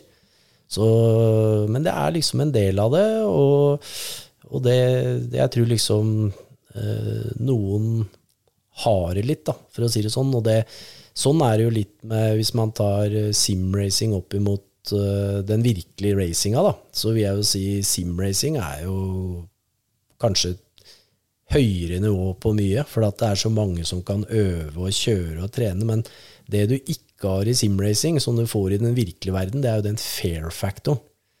Eh, og det, så liksom hadde man tatt alle disse råe simracere og dytta dem inn i racerbiler, så uh, noen av dem har jo evnen til å håndtere fair-faktoren, men langt ifra alle, da. For det er jo, jeg har jo nå smått begynt Eller jeg har en, eh, ikke så avansert, men en sånn simulator hjemme. Og jeg kjenner på det, det har vi hatt mye diskusjoner på, Simen, at det jeg liksom savner med det, at det ja, jeg syns det er gøy, og jeg ser absolutt nytteverdien. Ikke sant? Når jeg er 33 år, så for min del så er det Ok, jeg kan ha noe gøy med det, og jeg ser treningsverdien, men det gir meg ikke Jeg får jo ikke det kicket jeg får av å sette meg inn i virkeligheten. Og jeg får, jeg får jo ikke den frykten da, som det snakkes om. Så, men, men det er jo Ja, det er jo én måte å trene på det på. Det er jo farts, eh, fartstrening. Ja, Rein fart. Ja, og så er det jo det man har i simulator, det er litt sånn artig, da, for det har jo både Ole Kristian og Andreas sagt, at når vi har kjørt konkurranser i simracing, så sier de jo det at de er nesten mer nervøse når de kjører det enn når de kjører vanlig, vet du. Det er jo noe med, mm, som Kristian Krognes har nevnt, som også har vært en guru på dette med, med sim, og ikke minst med talltrening, at um, det er noe klinisk ved simracing, nettopp for det som sier at det er jo for det er så mange som kan drive med det. Ma- Flere muligheter, fordi økonomi spiller ingen like stor rolle. Du må til og med trenger ikke ha en heftig rigg engang for å være god. Um, så eh, det er jo noe med Marginen er mye mindre, så jeg vil jo tro at den derre fintreninga treffe på marginer. Så det er vel egentlig mer en vel så viktig mentaltrening, vil jeg tro, å kjøre sim, som det er rein kjøretrening. Om ikke mer mentaltrening, faktisk. Ja, definitivt. Så, så, men det er mye spennende rundt det sim. Altså, du får tidlig en forståelse for setup av bil, ikke sant, og, og, og selvfølgelig trene på de mentale prosessene. Definitivt. Eh, Det er forberedelser, og det er altså det, Du kan gjøre så mye med sim. Eh, og det jeg bruker å si at sim kan være alt fra alt til ingenting. Altså Hvis man bare setter seg en sim og banker og kjører, så, så er det begrensa hva du får ut av det. Men har man en plan med det, og, og kan bruke det, og sånn som vi gjorde, brukte det rett og slett som en skolebenk. Så for oss har det vært et fantastisk verktøy, og spesielt i forhold til å få opp unge utøvere. Jeg tenker Som et eksempel på dette med den mentale biten ved det Jeg bare kommer til å tenke på den finalen i, i simracing-NM i 2020. Eh, Benjamin da ble norgesmester, så det var jo et sånn bevis på at dere gjorde noe riktig, tydeligvis. For da, da kan han vært aktiv et år en gang, og, og blir da norgesmester. Et halvt år han kanskje vært aktiv. Eh, men det var jo Carl Peder som vant løpet. Og jeg husker jo, for jeg kjente jo da Carl Peder som han, nå blir vel han så heit i toppen at dette går jo ikke når han ligger i her. For det var vel også litt avgjørende for Benjamin, hvis jeg husker riktig. Så jeg følte det var, Jeg vet ikke hvordan dere evaluerte det etterpå, men der tenkte jeg det var på en måte lak, den mentale lakmustesten til Carl Peder, tenkte jeg. For han besto i den med glans. Han gjorde ikke en eneste feil. Eh, men hva tenkte dere rundt den, det finaleløpet? Nei, vet du hva, Det var egentlig en ganske morsom historie. da, for det, vi, når vi begynte å kjøre til Sim, så husker jeg vi, vi satt med Tommy Østgaard, og så skulle vi sette oss noen mål for sesongen. da, og, og Tommy mente jo det at eh, For det var jo ganske kort, det første løpet. Og han sa det at hvis vi klarte å kvalle oss til finale, så mente han det var et hårete mål. da. Eh, og så gikk jo den sesongen, og, og den fikk jo bra progresjon. Og så blei det jo sånn Calpedi Calpede krasja jo litt, da. Og var jo, det var jo liksom eh, Benjamin som sto igjen som den som kunne vinne. Og, og vi hadde jo liksom eh, Vi hadde jo aldri Altså, vi kjørte jo, vi hadde liksom ikke noe sånn spesiell taktikk på disse løpene, men når det kom til finalen, så så så jo jeg at eh, Eller vi alle så jo det at fader, vi har jo muligheten til å vinne, så nå må vi jo prøve å kjøre litt uh, taktisk, da. Uh, og prøve liksom å hjelpe hverandre litt, da. Uh, og så tenkte jeg litt hvordan skal jeg gå fram? Disse er jo så unge. ikke sant? Da er jeg bare 12 og 13 år. da. Så hvordan skal du kunne forklare, liksom, forklare det? Men hadde hatt, vi hadde jo hatt noen forelesning på dette med forskjellige typer team. Altså alt fra du starter med kanskje et familieteam, og så blir det et semiprofesjonelt team, og så er det et fabrikksteam, og så har vi liksom undervist i hvordan alle disse mekanismene er, da. Så jeg tok jo liksom en runde til uh, foreldrene og sånn, da, og spurte hva dem syns, og liksom og sånn. Og så tok jeg utøverne, da. Men jeg, en eller annen grunn så tok jeg Carl Peder til slutt. Uh, og alle syntes jo dette var flott og fint, og selvfølgelig skulle vi gjøre dette, og vi skulle liksom Ja, vi skulle, vi skulle være et team. Være et team. Og så ringte jeg til Carl Peder, og så sier jeg Bruker jeg litt lang tid på å forklare, liksom komme fram til poenget, da fortalte, Husker du det foredraget vi hadde hvor vi prata om dette med team, og det kan hende du må være på et fabrikksteam og være litt andre- og tredjefører og sånn, og, og så videre, da. Ja, jeg skal det. skal det. Så til slutt da, så, så kom jeg til poenget. Så det er du, nå, eh, nå er det jo finalen, og Benjamin er jo den som har muligheten til å vinne. Så hvordan eh, ser du på å kunne liksom være en teamplayer, da? Så blei det helt stille. Så sier han bare Det er helt uaktuelt. Du tenkte nå har jeg jobb, er det det du tenkte eller? Ja, så, og jeg blei jo helt satt ut, ikke sant? Og bare uh, Ok. Og så, og så sa jeg til henne at veit du hva, Carl Peder eh, Dette her er Nå må du tenke deg om og være litt smart, sier jeg. Ikke sant? Så tenk deg om, og så ringer du meg eh, om en liten stund. Men tenk deg nøye om nå. Og så ringte han meg opp, og så sa han at eh, ok, jeg er med, sier han. Men hva hvis jeg vinner? Hva gjør du da? Hvis jeg er leder og, og ligger i posisjon til å vinne? Så sier jeg det at eh, ok, hvis du, hvis du ligger helt foran der, og, og, disse andre gutta ligger bak, så, så, jeg kan ikke drive og liksom sende deg bakover i feltet. Det, det går jo ikke, for det, det er greit å liksom være smoothe med hverandre, ikke gjøre det vanskelig for hverandre og sånn, ikke sant? Det er greit, da. Så, så, sier han ja, ok, så hvis jeg vinner, da, da, da er det greit, sier han. Ja, da, da, er det greit, sier jeg. Og det var det eneste løpet han vant. han ble jo jaga han Glenn Key, da, som er en av de mest rutinerte simførerne vi har. Så det er det jeg tenker på det mentale presset han sto overfor. Han, eh, det var ikke noe one man-show da han vant det løpet. Han var jo under press lenge. Men det ble litt kommers med det løpet der etterpå, ble det ikke det? Det var vel noen spekulasjoner om noe utnytta track limits og sånn, men regler er jo regler, så det, jeg tror det var, ble grei skuring til slutt. Men, men uh, han holdt jo unna for en av de mer rutinerte simracerne òg, så det er det jeg tenker på. En ting er at han vant uh, det løpet, men det er det presset han hadde òg. Ja, og der var han tolv år. Og, men hadde, hadde Glenn toucha han i siste svingen altså det, det, Når man uh, holdt på å si ser replays og alt mulig, altså hadde han toucha han, så hadde Carl Peder fått stopp and go. Ja, Pga. de der straffepoenga. Ja. Han, eh, han, var helt på limit på de straffepengene. Ja, ja. Da måtte han ha kjørt inn. Da, da hadde, da hadde, da hadde han måtte kjørt inn. Så det, han, han, hadde brukt alle sammen. Og, og, og Glenn, altså du, du, du, klarer ikke å Når du ser replayen og kjører rundt bilen og titter, altså du, du klarer ikke å se en lysåpning engang. Altså. For å ta de som kan inn til Lagåsbanen. det er jo i siste svingen der, så må man hente litt høyde.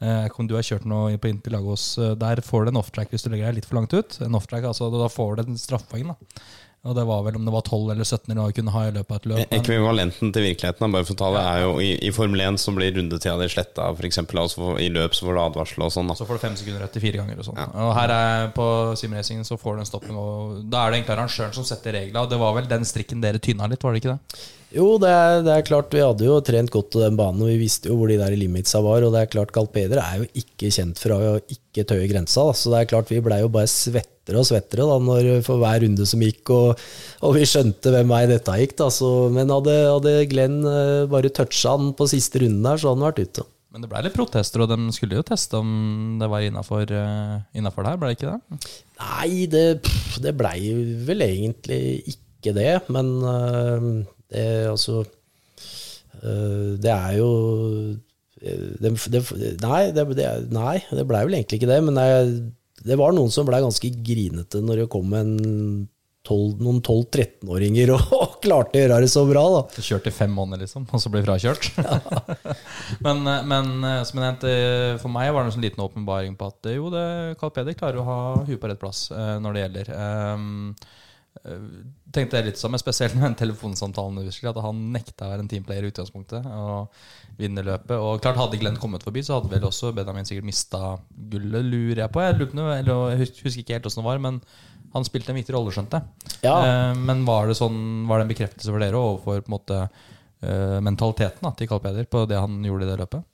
Ja, altså Det var jo en kjempeprestasjon, da, men jeg vil jo også si at disse andre utøvere hadde ekstreme prestasjoner hvor de viste fantastiske egenskaper. da. Så, men det er klart, den var, den var jo helt ekstrem. Uh, og det er jo litt det man ser uh, med Carl Peder. Han klarer liksom å skape noen sånne ekstreme prestasjoner uh, innimellom. det er så mange historier om det, da. Men så, så, det er klart han, han, viste tidlig at han hadde noe, men, men allikevel, da, så det er klart for meg Altså Han skulle jo bare vinne, så når han hørte at han liksom ikke fikk lov til Eller liksom at han kanskje måtte være litt smidig og kanskje være litt teamplayer, da Det, altså det, det, det var, var, ikke hans villeste fantasi engang. Altså. Men man sier jo at toppidrettsutøvere er jo i prinsippet verdens største egoister, og det er klart at det å lære seg Gå fra å være tolv år gammel crosskartfører og lære seg at bilsport er også en lagidrett, den er jo selvfølgelig tung. Så jeg, må, jeg kan jo på en måte Jeg, jeg klarer, jeg syns jeg hører den, og jeg klarer også på en måte å forstå det. da Og så øh, må jeg gi kudos til dere på måten dere håndterer det på, for det er jo, det er jo en aldersgruppe som, som, du må ta i med Det er mye pedagogikk her, da. Men er ikke nettopp det som gjør at hele Next Generation også er ditt hjertebarn, og det du virkelig brenner for? At du nettopp kan jobbe med folk i den alderen her, med, i den fasen der. Er det ikke, er det ikke litt dette som trigger akkurat det du nettopp har drømt om å jobbe med i Even? Absolutt. altså Tenk deg å få disse erfaringene, og, og at man kan prate om det og, og coache på, på, den alderen. ikke sant, Og oppleve disse tingene.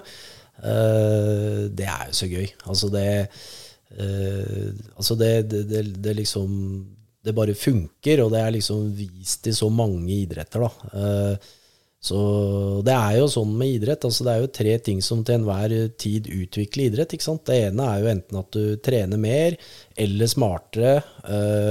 Du får bedre, bedre utstyr. Og ja, altså dette, dette, med å trene mer eller smartere eller bedre utstyr, da, og det, det har jo på en måte dratt egentlig all idrett, da. Uh, og det er, jo, uh, det er jo på en måte hele tanken bak det. Og når du kan lære deg masse av disse tingene, da, trene smartere, tenke smartere Du får kunnskap. altså Kunnskap er jo makt og lett å bære med seg. Og, og får man kunnskap tidlig, ikke sant, så er det klart du kan bli mer delaktig i karrieren din. Du kan være med å ta flere valg på bakgrunn av, av at du har kunnskap. Og, og, hele den prosessen der, det, jeg digger det.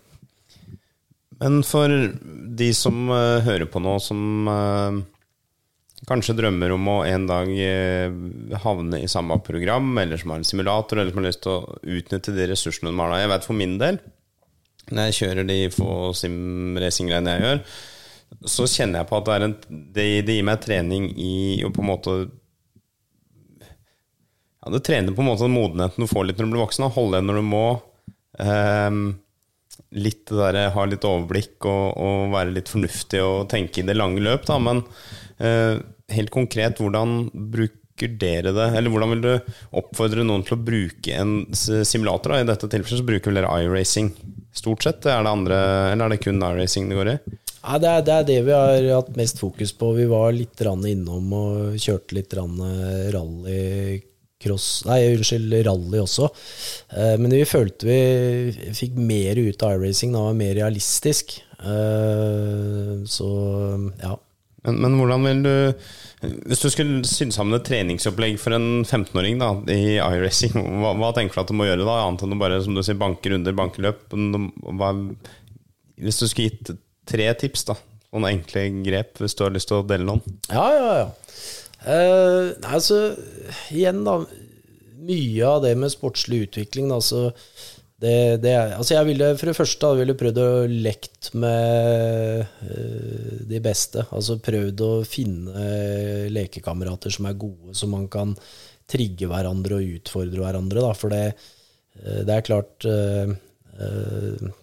Man trenger liksom en del coaching og kunnskap for å få mest mulig ut av en sånn plattform. Da. Men i hvert fall da jeg ville ha funnet, liksom, prøvd å leke med de råeste, og, og oppsøke dem hele tida.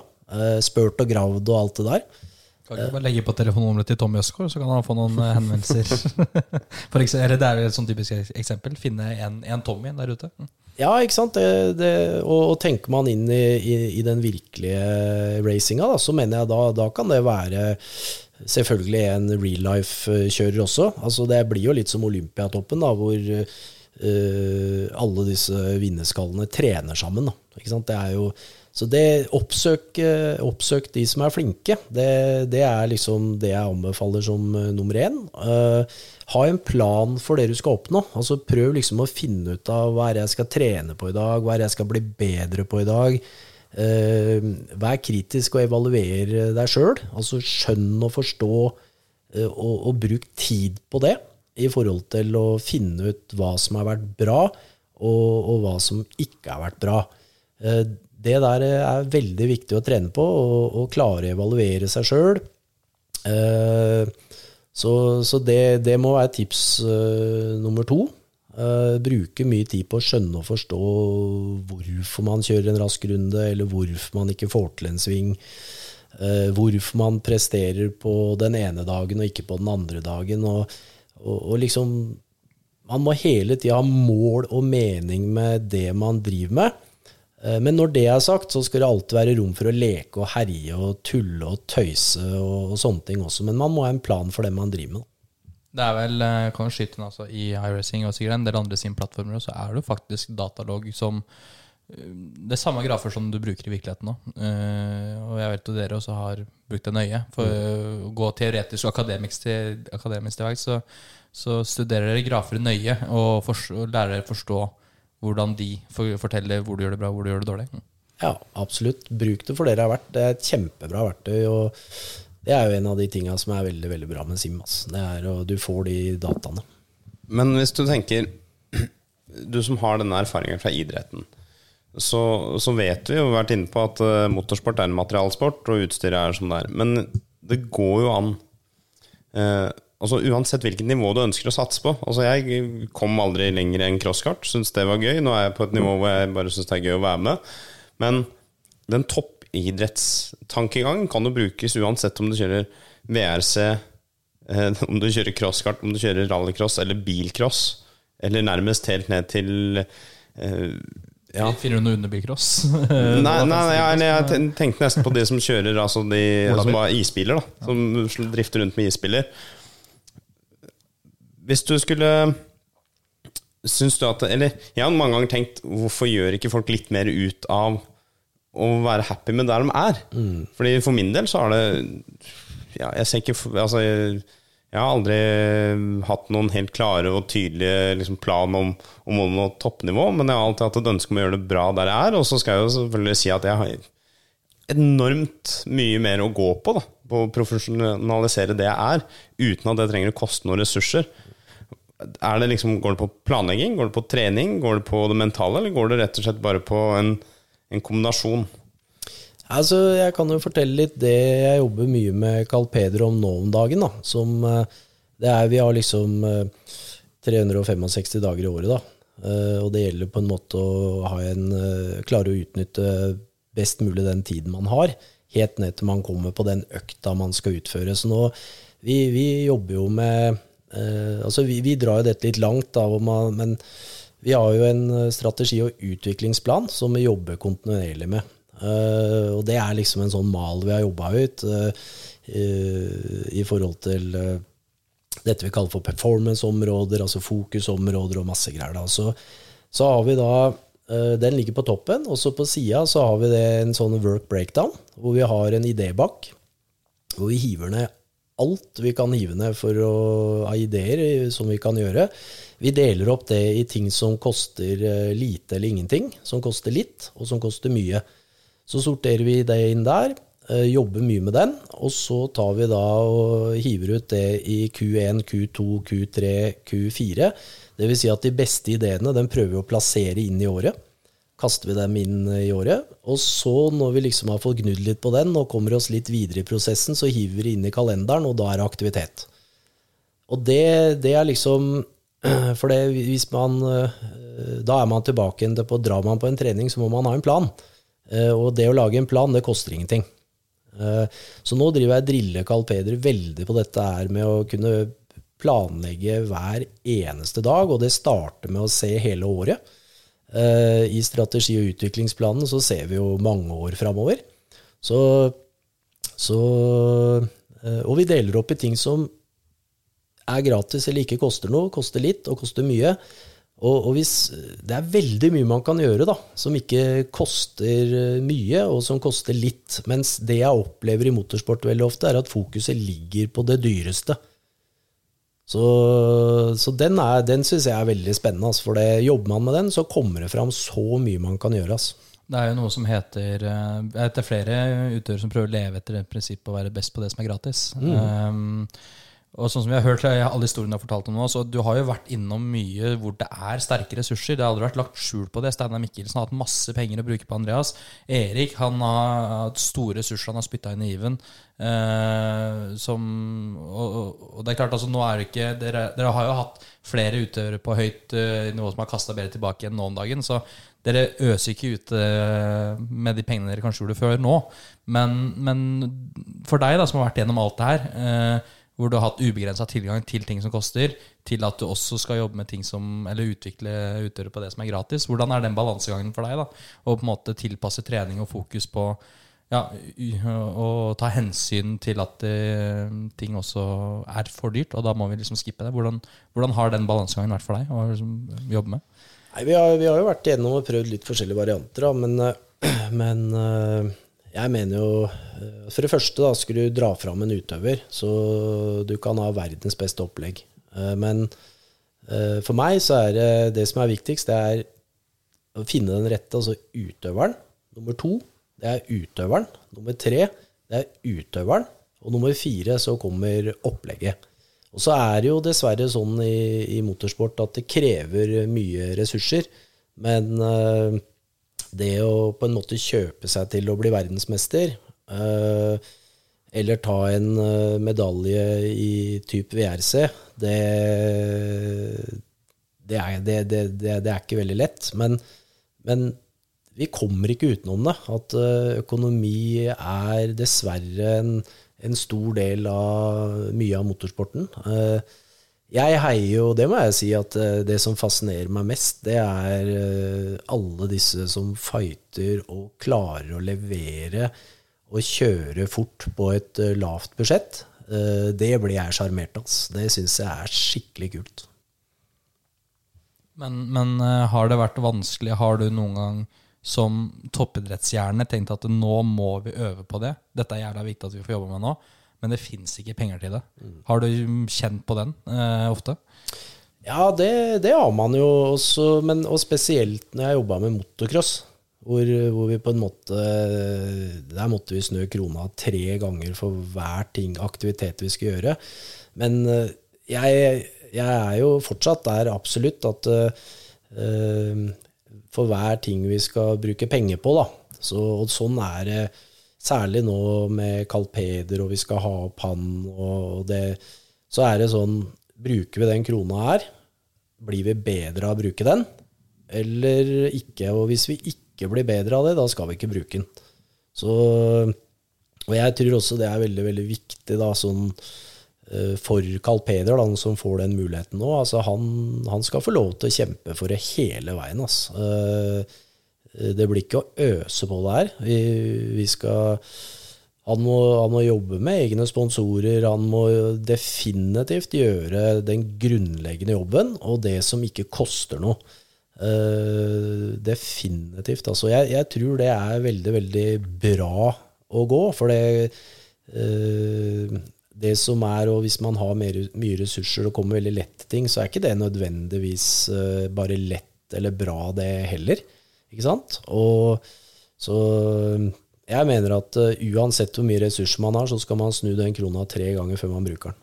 Var det noe du oppdaga litt gjennom Andreas, f.eks.? Fra 2008 til 2009 på ett år? Altså, kan du fortelle hvordan, hvor stor forskjell det var på Andreas Mikkelsen på det, bare det ene året? Altså, Andreas vet du, han var jo han var aldri opptatt av ting når han vokste opp. Altså, han, han, var ikke, altså, han som menneske fantes ikke noe materialist. Det var jo mer at han fikk det servert. Uh, han, han var enkel, liksom. Altså, jeg husker jo vi hadde jo masse fisketurer i skogen og gjorde enkle ting, og da kosa jo han seg som bare det. Han, han hadde liksom ikke noe forhold til uh, disse materialistiske tingene. Det, det, var ikke han som sto og spurte om noe VRC-bil. Uh, eh, så han så sånn sett, altså, men jeg tror jo sånn når man blir voksen og, og sånn, så blir det jo noe annet. Og det, det er klart at uh, det veit vi jo alle, hvis vi tenker at kua er kalv. da, ikke sant? Hvis man på et tidspunkt begynner å tjene masse penger, uh, det er og berømmelse altså Det skal man ha en sterk rygg for å bære. da, og, uh, Så det er forskjellige faser i karrieren som er utfordrende. Sånn som eh, med tanke på Ole Kristian nå, som da i tillegg har en familierelasjon til mannen bak hele konseptet med Even, um, gjør jo også at man altså, Lett å tenke at han sikkert har fått alt servert og ikke trengt å jobbe så mye for det han gjør, men jeg vet at Ole Kristian er ganske dedikert. Men kan du også fortelle litt hvordan det har vært å jobbe med Ole Kristian her, ettersom det også er en familierelasjon inn i bildet bak satsinga hans?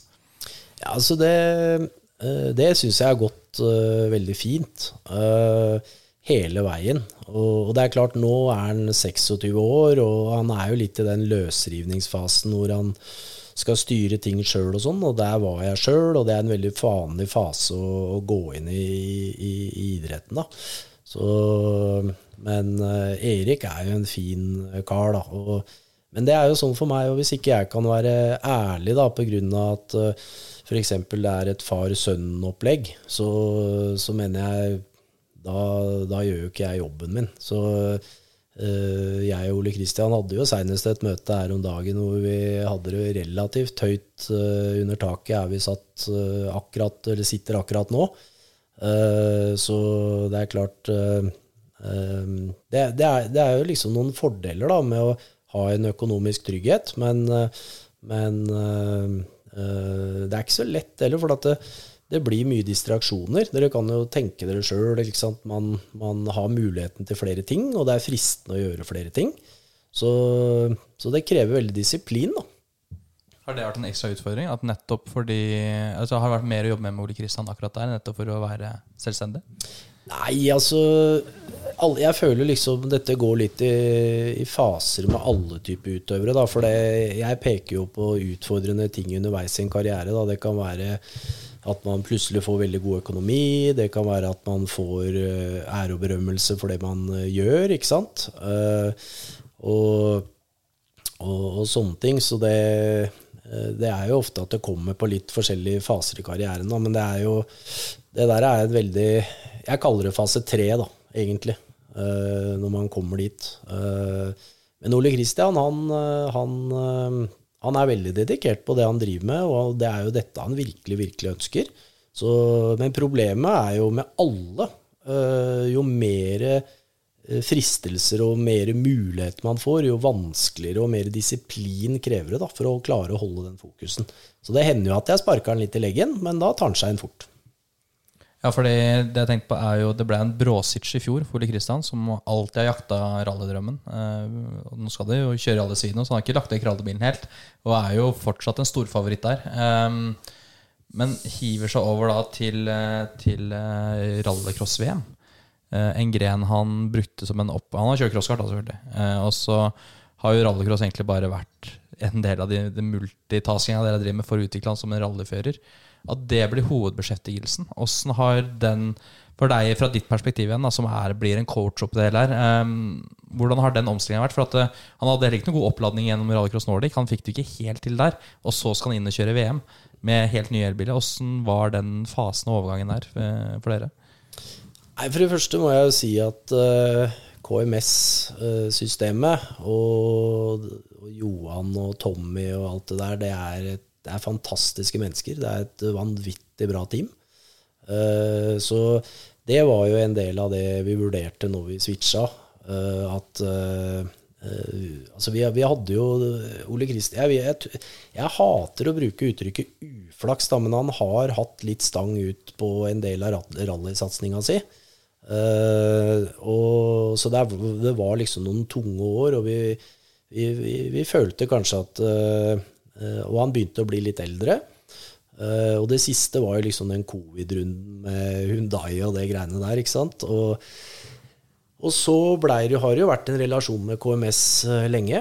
Og, og, um, når den muligheten kom, med det teamet Johan, ikke minst, så, så, så, følte vi at det var rett å switche. Farlig nær eh, bronse på første forsøk. Det kan diskuteres hvor når det bare var åtte førere med gjennom sesongen. Men klart toppnivået var jo der uansett fra, fra tidligere. Så han takla denne gangen tydeligvis bedre enn å kjøre en vanlig ordinær supercar i Nordic. For at det der, han, han jo ikke med like bra der.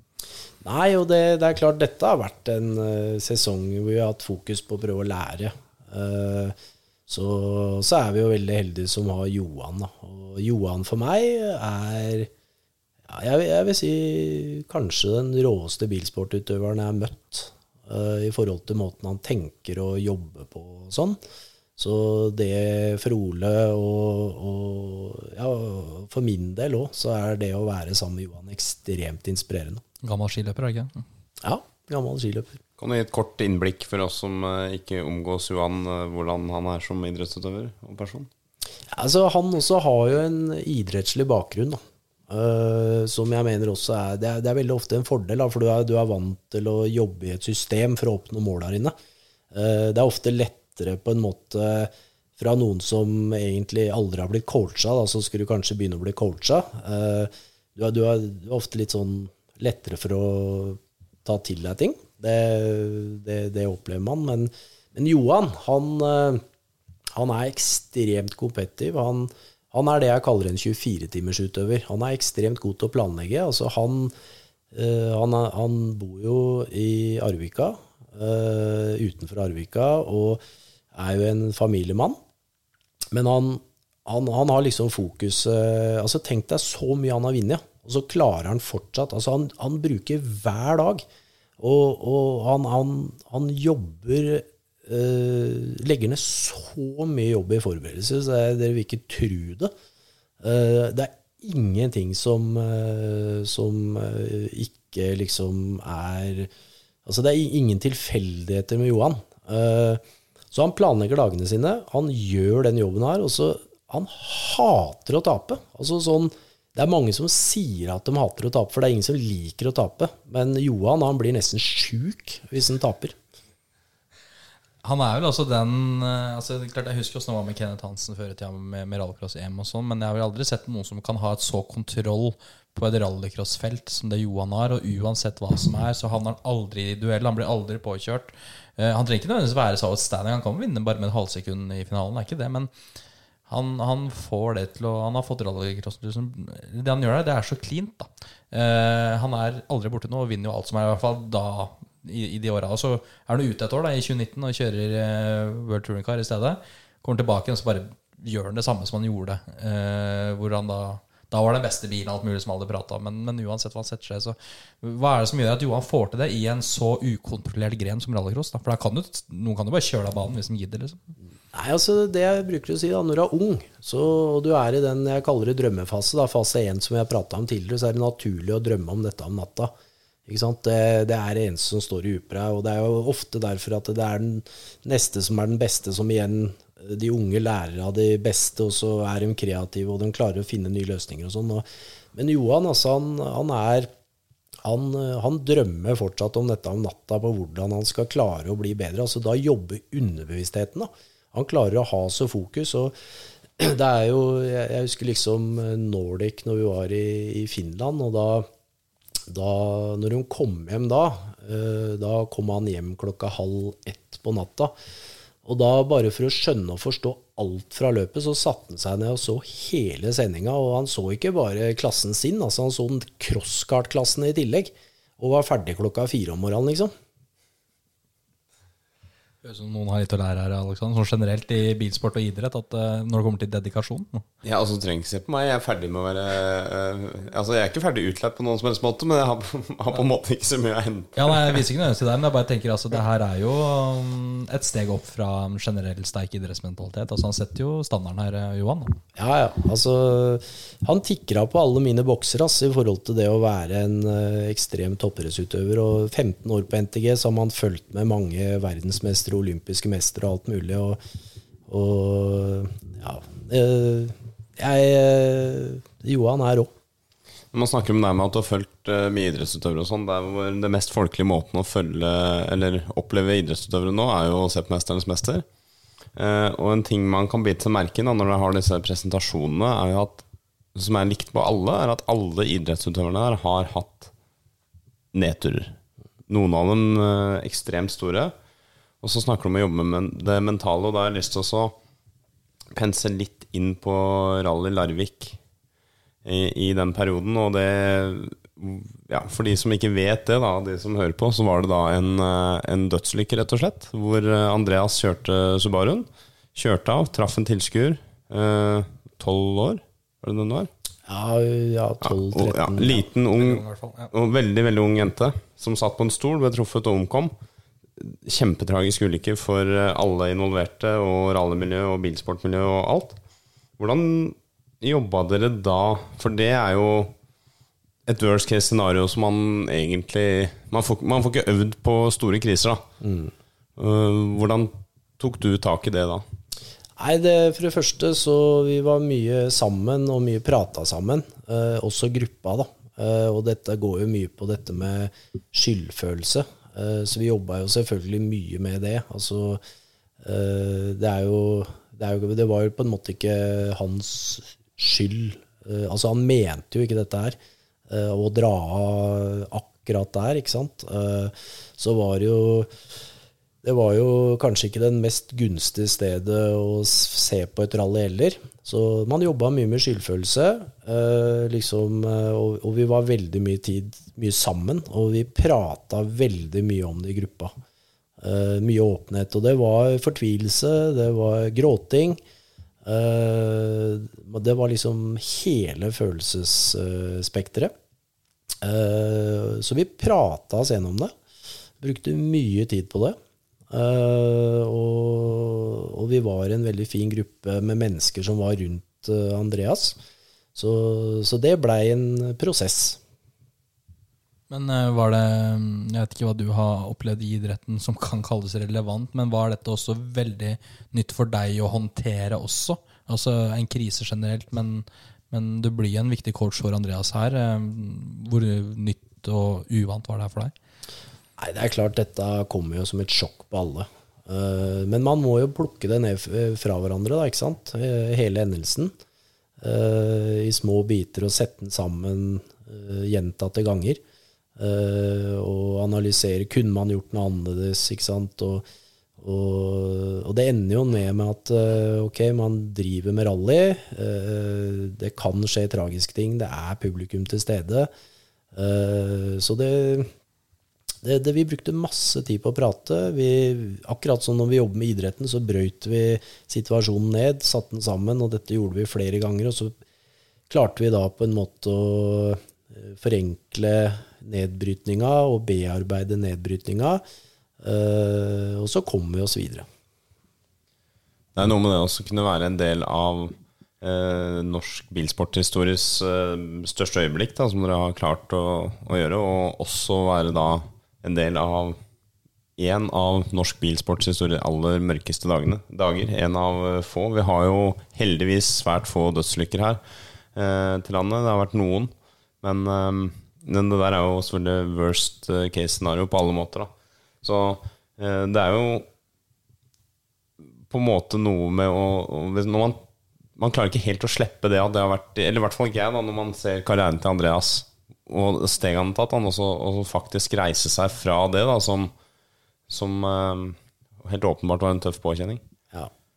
Nei, jo det, det, ser man jo. Altså, Andreas han, han, har, han, er veldig sterk i huet. Og det, det har han liksom vært eh, hele veien. Uh, og det er jo det man ser med utøvere som som lykkes veldig bra. Det er ikke nødvendigvis at det er de tøffeste kara, men eh, man har på en måte en mentalt styrke, man har en evne til å kunne fokusere, uh, som ligger der litt naturlig. Uh, og noen så, så, så, ligger det der, men man må trigge det og, og coache det og få det fram. Og andre, dem, dem har på en måte ikke helt de egenskapene. Da. Så det, jeg bruker jo å si at talent er, eh, er litt sånn tre ting, da. Og det er eh, Noen er født med å få til ting ganske lett helt fra de kommer ut. og så har du da den, Det andre talentet er jo arbeidstalentet, og så har du da det tredje talentet, som er den evnen til å avgjøre ting til sin fordel. Uh, uansett om man omtrent spiller kort, altså, eller hva det nå er, så er det alltid noen som klarer å vri det til sin fordel. Killerinstinkt, på en måte? eller? Ja, det, det, det er litt sånn en, en sånn uh, ekstrem indremotivasjonssak, da, som, uh, som er der. Men men, og, og, det er klart at, man, og så er det veldig mye forskning da, på hva er, hvilke talent er viktigst. Og så er det ikke sånn at det er 100-0. Du har jo graderinger av dette her. da. Så, men, det er, men, det er, klart det er noen som har Som er litt sånn De, de, de, de tåler mer enn andre. Det som jeg syns er fascinerende, er eh, Jeg intervjuer veldig mange bilsportutøvere i ulike grener og mesterskap og nivåer gjennom et helt år. Og det er ofte mange som De er utvilsomt gode til å kjøre, men det skal alltid skje noe. Og det, og det kan oppriktig ikke være deres egen feil. Eh, at, at de har uflaks. Det er kanskje noe med at og en dårlig bil, en dårlig BHP, det var kom en konkurrent og blokkerte, og det ble rødflagg akkurat der du skulle sette en god runde på kval osv. Hører den veldig ofte. Mm. Så skjer det gjerne med det samme, og så er det også de samme utøverne hvor det aldri skjer noe med. Så det, og da tenker jeg som, da er vel det også en ferdighet, da. Å faktisk ikke være der når det rødflagget kommer. Um, men har du da som et analytisk idrettshue her klart å finne noen rettesnorer på det her? Hva som uh, skiller den utøveren fra ikke havne i rødflagget, kontra de som alltid havner får det rødflagget når de er på en god runde? Mm. Nei, altså Det der er et veldig interessant spørsmål, og det, det kan man dele opp i forskjellige på forskjellige måter, da. Men eh, jeg mener jo altså For det første, jeg hater ordet uflaks. Det, det er det verste jeg vet. Ja, Har de egentlig uflaks, de som da føler de har uflaks? Ja, altså Over tid så pleier det å jevne seg ut eh, ganske greit. Og da kommer jo disse mentale ferdighetene inn. ikke sant? Hvordan håndterer du dette? Altså, Kategoriserer du alt som uflaks, så lærer du ingenting. Ikke sant? Og uh, veldig mye av dette her går jo på å skjønne og forstå og studere. ikke sant? Og uh, visualisere løpssituasjoner. altså Det er masse ting. Og selvfølgelig innimellom så kan man ikke altså da, det, det, bare skjer. Altså det, det skjer de beste. Uh, men, men, det er noen som alltid havner oppi det, og veldig ofte da, så er det jo de som også kall det roper høyest, og uflaks og uflaks og uflaks. da. Eh, og da mener jeg at det, det da kan det gå på måten man klarer å lære av situasjonen. Og, og som sagt, noen ganger så er det bare uflaks, men da må man gå videre.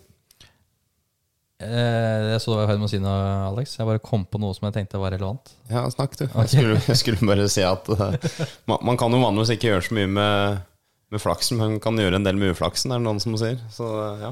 Det er som Ingmar Ingvar Stenmark sa, at det er jævlig rart. Altså, jo mer jeg trener, jo mer flaks har jeg. Men, men for det kommer tilbake til Andreas her, da, og, de nedturene han hadde den, store da kan du si 2009, og for så vidt da året før. Det var jo nedtur bare det med mm, før dere havna i Even. Dette har blitt et lite sånn kall det uheldig mønster. da Eh, Så skjer det samme da etter 2016-sesongen, hvor han kanskje er på sitt aller beste. Avslutter den æraen med å slå Auxier fair and square. Eh, Han var vel allerede verdensmester Auxier, men det hang veldig høyt å vinne det siste løpet der. Det, det tar Andreas der. Og dette er, det er jo så hans foreløpig siste seier i VM. Så mister han jobben. Kan jo selvfølgelig ikke kontrollere at Volkswagen skrur hjem pengesekken. Og må liksom litt ned igjen, da. Han har vært der før, da, ikke sant. Så dette, kan han. Ehm, så skjer det samme litt i Hundai. Det får ikke til. eh, Får ikke til dette her. Er ute 2020. Ny tur ned. Og bygd seg opp igjen og vært helt avstanding der. Og så løsner fortsatt ikke. Nå har han ikke noen kontrakt nå engang. Så han er litt sånn Det er sånn ett steg fram, to tilbake. Og så eh, men han, han skal opp, og han gir seg ikke. I hvert fall siste Han sa til meg altså, Han jobber fortsatt med å få til noe. Han lar seg ikke dra ned. Er Skyldes alt det her at han hadde eksempel de to ganske harde nedturene på hver sin måte? da 08 og 09 Er det det som fortsatt gjør at Andreas ikke gir opp? Nei, er, da, da er vi litt tilbake igjen til det der med at noen har og noen har ikke. da. Og det er klart Andreas han er en kriger. og eh, Han er jo eh, og jeg, jeg vil nesten si at han kan være bedre i motgang enn i medgang. da. Altså, eh, så jo vanskeligere han får det, jo mer eh, opplevde jeg ham som at han eh, jobba. da. Så, for han, han var jo sånn når det, når det gikk bra, så jobba han jo fortsatt kjempebra. Men, men når det ikke Når det butter, da, da var han jo helt vill, liksom. Da var det jo det bare aksepterte han ikke, liksom. Altså, da, da var han jo helt gal. Jeg vet ikke mye kontakt har med Andreas nå om dagen, men hvordan, hvis du har kontakt med han, eller uansett hvordan du kjenner hvordan jobber han nå? Eller hvordan er han nå, nå som han ikke har en I hvert fall har ikke sagt hvert at han har noe deal ennå, men han jobber på. Hvor- Hvordan funker det ut i Andreas nå? Nei, Vet du hva, nå, nå er vi gode venner. Og det er liksom øh, Vi kan henge sammen og skravle, og da kan vi prate om alt. Og vi, vi kan jo diskutere utfordringer og, og sånne ting. Nå er ikke jeg den inne på den øh, daglige delen, men øh, det er jo flere ganger hvor han har stått på trappa, vi har hatt veldig gode prater. og det er jo, for meg, Andreas er helt spesiell for meg. Det er klart Vi har en lang historie sammen, så jeg kommer jo alltid til å følge med han og heie på han. Eh, men jeg tror han har gått en eh, god skole. Han eh, begynte med alpint og motocross og har vært igjennom Even-systemet. Så han, han jobber på å bruke verktøyene. Og, og har jo Bernt med seg også, som har en enorm erfaring. Og, så han, han må bare fortsette å bruke de verktøyene han har, og som han kan, og bare fortsette å krige. Bare nevner at det er 1. februar nå gjør opptak tilfelle når podden er ute at kanskje han har en deal for sesongen. Det vet vi ikke ennå. Men eh, per nå, 1. februar, tror du han får skaffa seg noe ordnings eh, med kjøring i, i år? Eh, ja, altså tidligere så var man inside hele tida. Vi har jo lapp i, i VRC, da, men allikevel Han er eh, Han bor i Finland. Vi har lagd et eget system rundt han i Finland. Vi, vi er ikke Altså Før var vi jo inne hos alle teama hele tida, og vi hadde all inside information. Uh, men, uh, men jeg nå er jo jeg, jeg har ikke det Jeg har fortsatt innsyn, men ikke et sånt innsyn så jeg kan Tidligere så kunne man liksom forutse ganske mye, men jeg kan ikke uttale meg om det nå, faktisk. Hva tror du, Alex? Får vi se Andreas i noen VM-runder eller sånn i år? Sikkert. Jeg, jeg, jeg er ikke spåmann. Jeg er heller ikke noe glad i å gjette på med lite tyngde, da. Det blir bare tomt. Jeg, jeg er vel som de fleste andre eh, i Norge som følger med, som håper. Men, eh, men jeg, akkurat nå så har jeg ikke nok eh, inside information. Jeg har ikke nok tyngde til, til å ha liksom, noen kvalifiserte meninger. Så er det vel egentlig Man lærer seg vel da at det er bedre å ikke si noe. Eh, det jeg kan si, er at jeg, jeg håper virkelig at den får en mulighet til. Ja, det er vi, vi flere om. Det er vel eh, også en fin måte å, å runde litt av på, er det ikke det, Simen? Det er jo det vi starta med hele historikken med Roy og Andreas, og, og runder av der. Og eh, du har levert, Roy, det må jeg si. Jeg visste at det bodde mye hos deg, men det verden er vi, Hvis man ikke har kommet gjennom den poden her uten å ha lært noe, Alex, da, da er man vel per def uh, Altså, da er man vel allergisk mot læring. Ja, jeg ringer deg om et par år jeg, når jeg skal begynne å krangle med sønnen min. Så bare få noen pedagogiske tips. Jeg vet ikke, Har du noe sånn apropos, har du noe pedagogikkutdanning i grunn, eller er det bare din egen idrettserfaring og idrettshjerne som eh, jobber? Nei, jeg har jo eh, topptrenerutdanning. Så det er jo, kan du si, den høyeste trenerutdanningen eh, Olympiatoppen eh, tilbyr. Og så har man jo lest, og man har lært, man har jobba i gode miljøer, eh, ikke minst på NTG. Så, så det, det Og der er det jo også mye pedagogikk, men, men Nei, man, det er livsstil. Man elsker det, man digger det, og man fordyper seg i det, og ja, i det hele tatt. Veldig, veldig bra å høre. Da får vi bare si masse lykke til da, med Next Generation og prosjekt Carl Peder der. Dere har fortsatt Ole Kristian, dere har Lappi, dere har Johan. Dere har, du har jo mye å jobbe med, med, Roy, så det blir spennende å se utviklinga deres også framover. Ja, og så skulle det bli spennende å se Oskar og Tommy i, i simracing videre. Det, der skjer det spennende ting om dagen. Ja, Vi må ikke glemme det heller. Lykke til, og takk for praten, Roy. Bare hyggelig. Veldig, veldig hyggelig.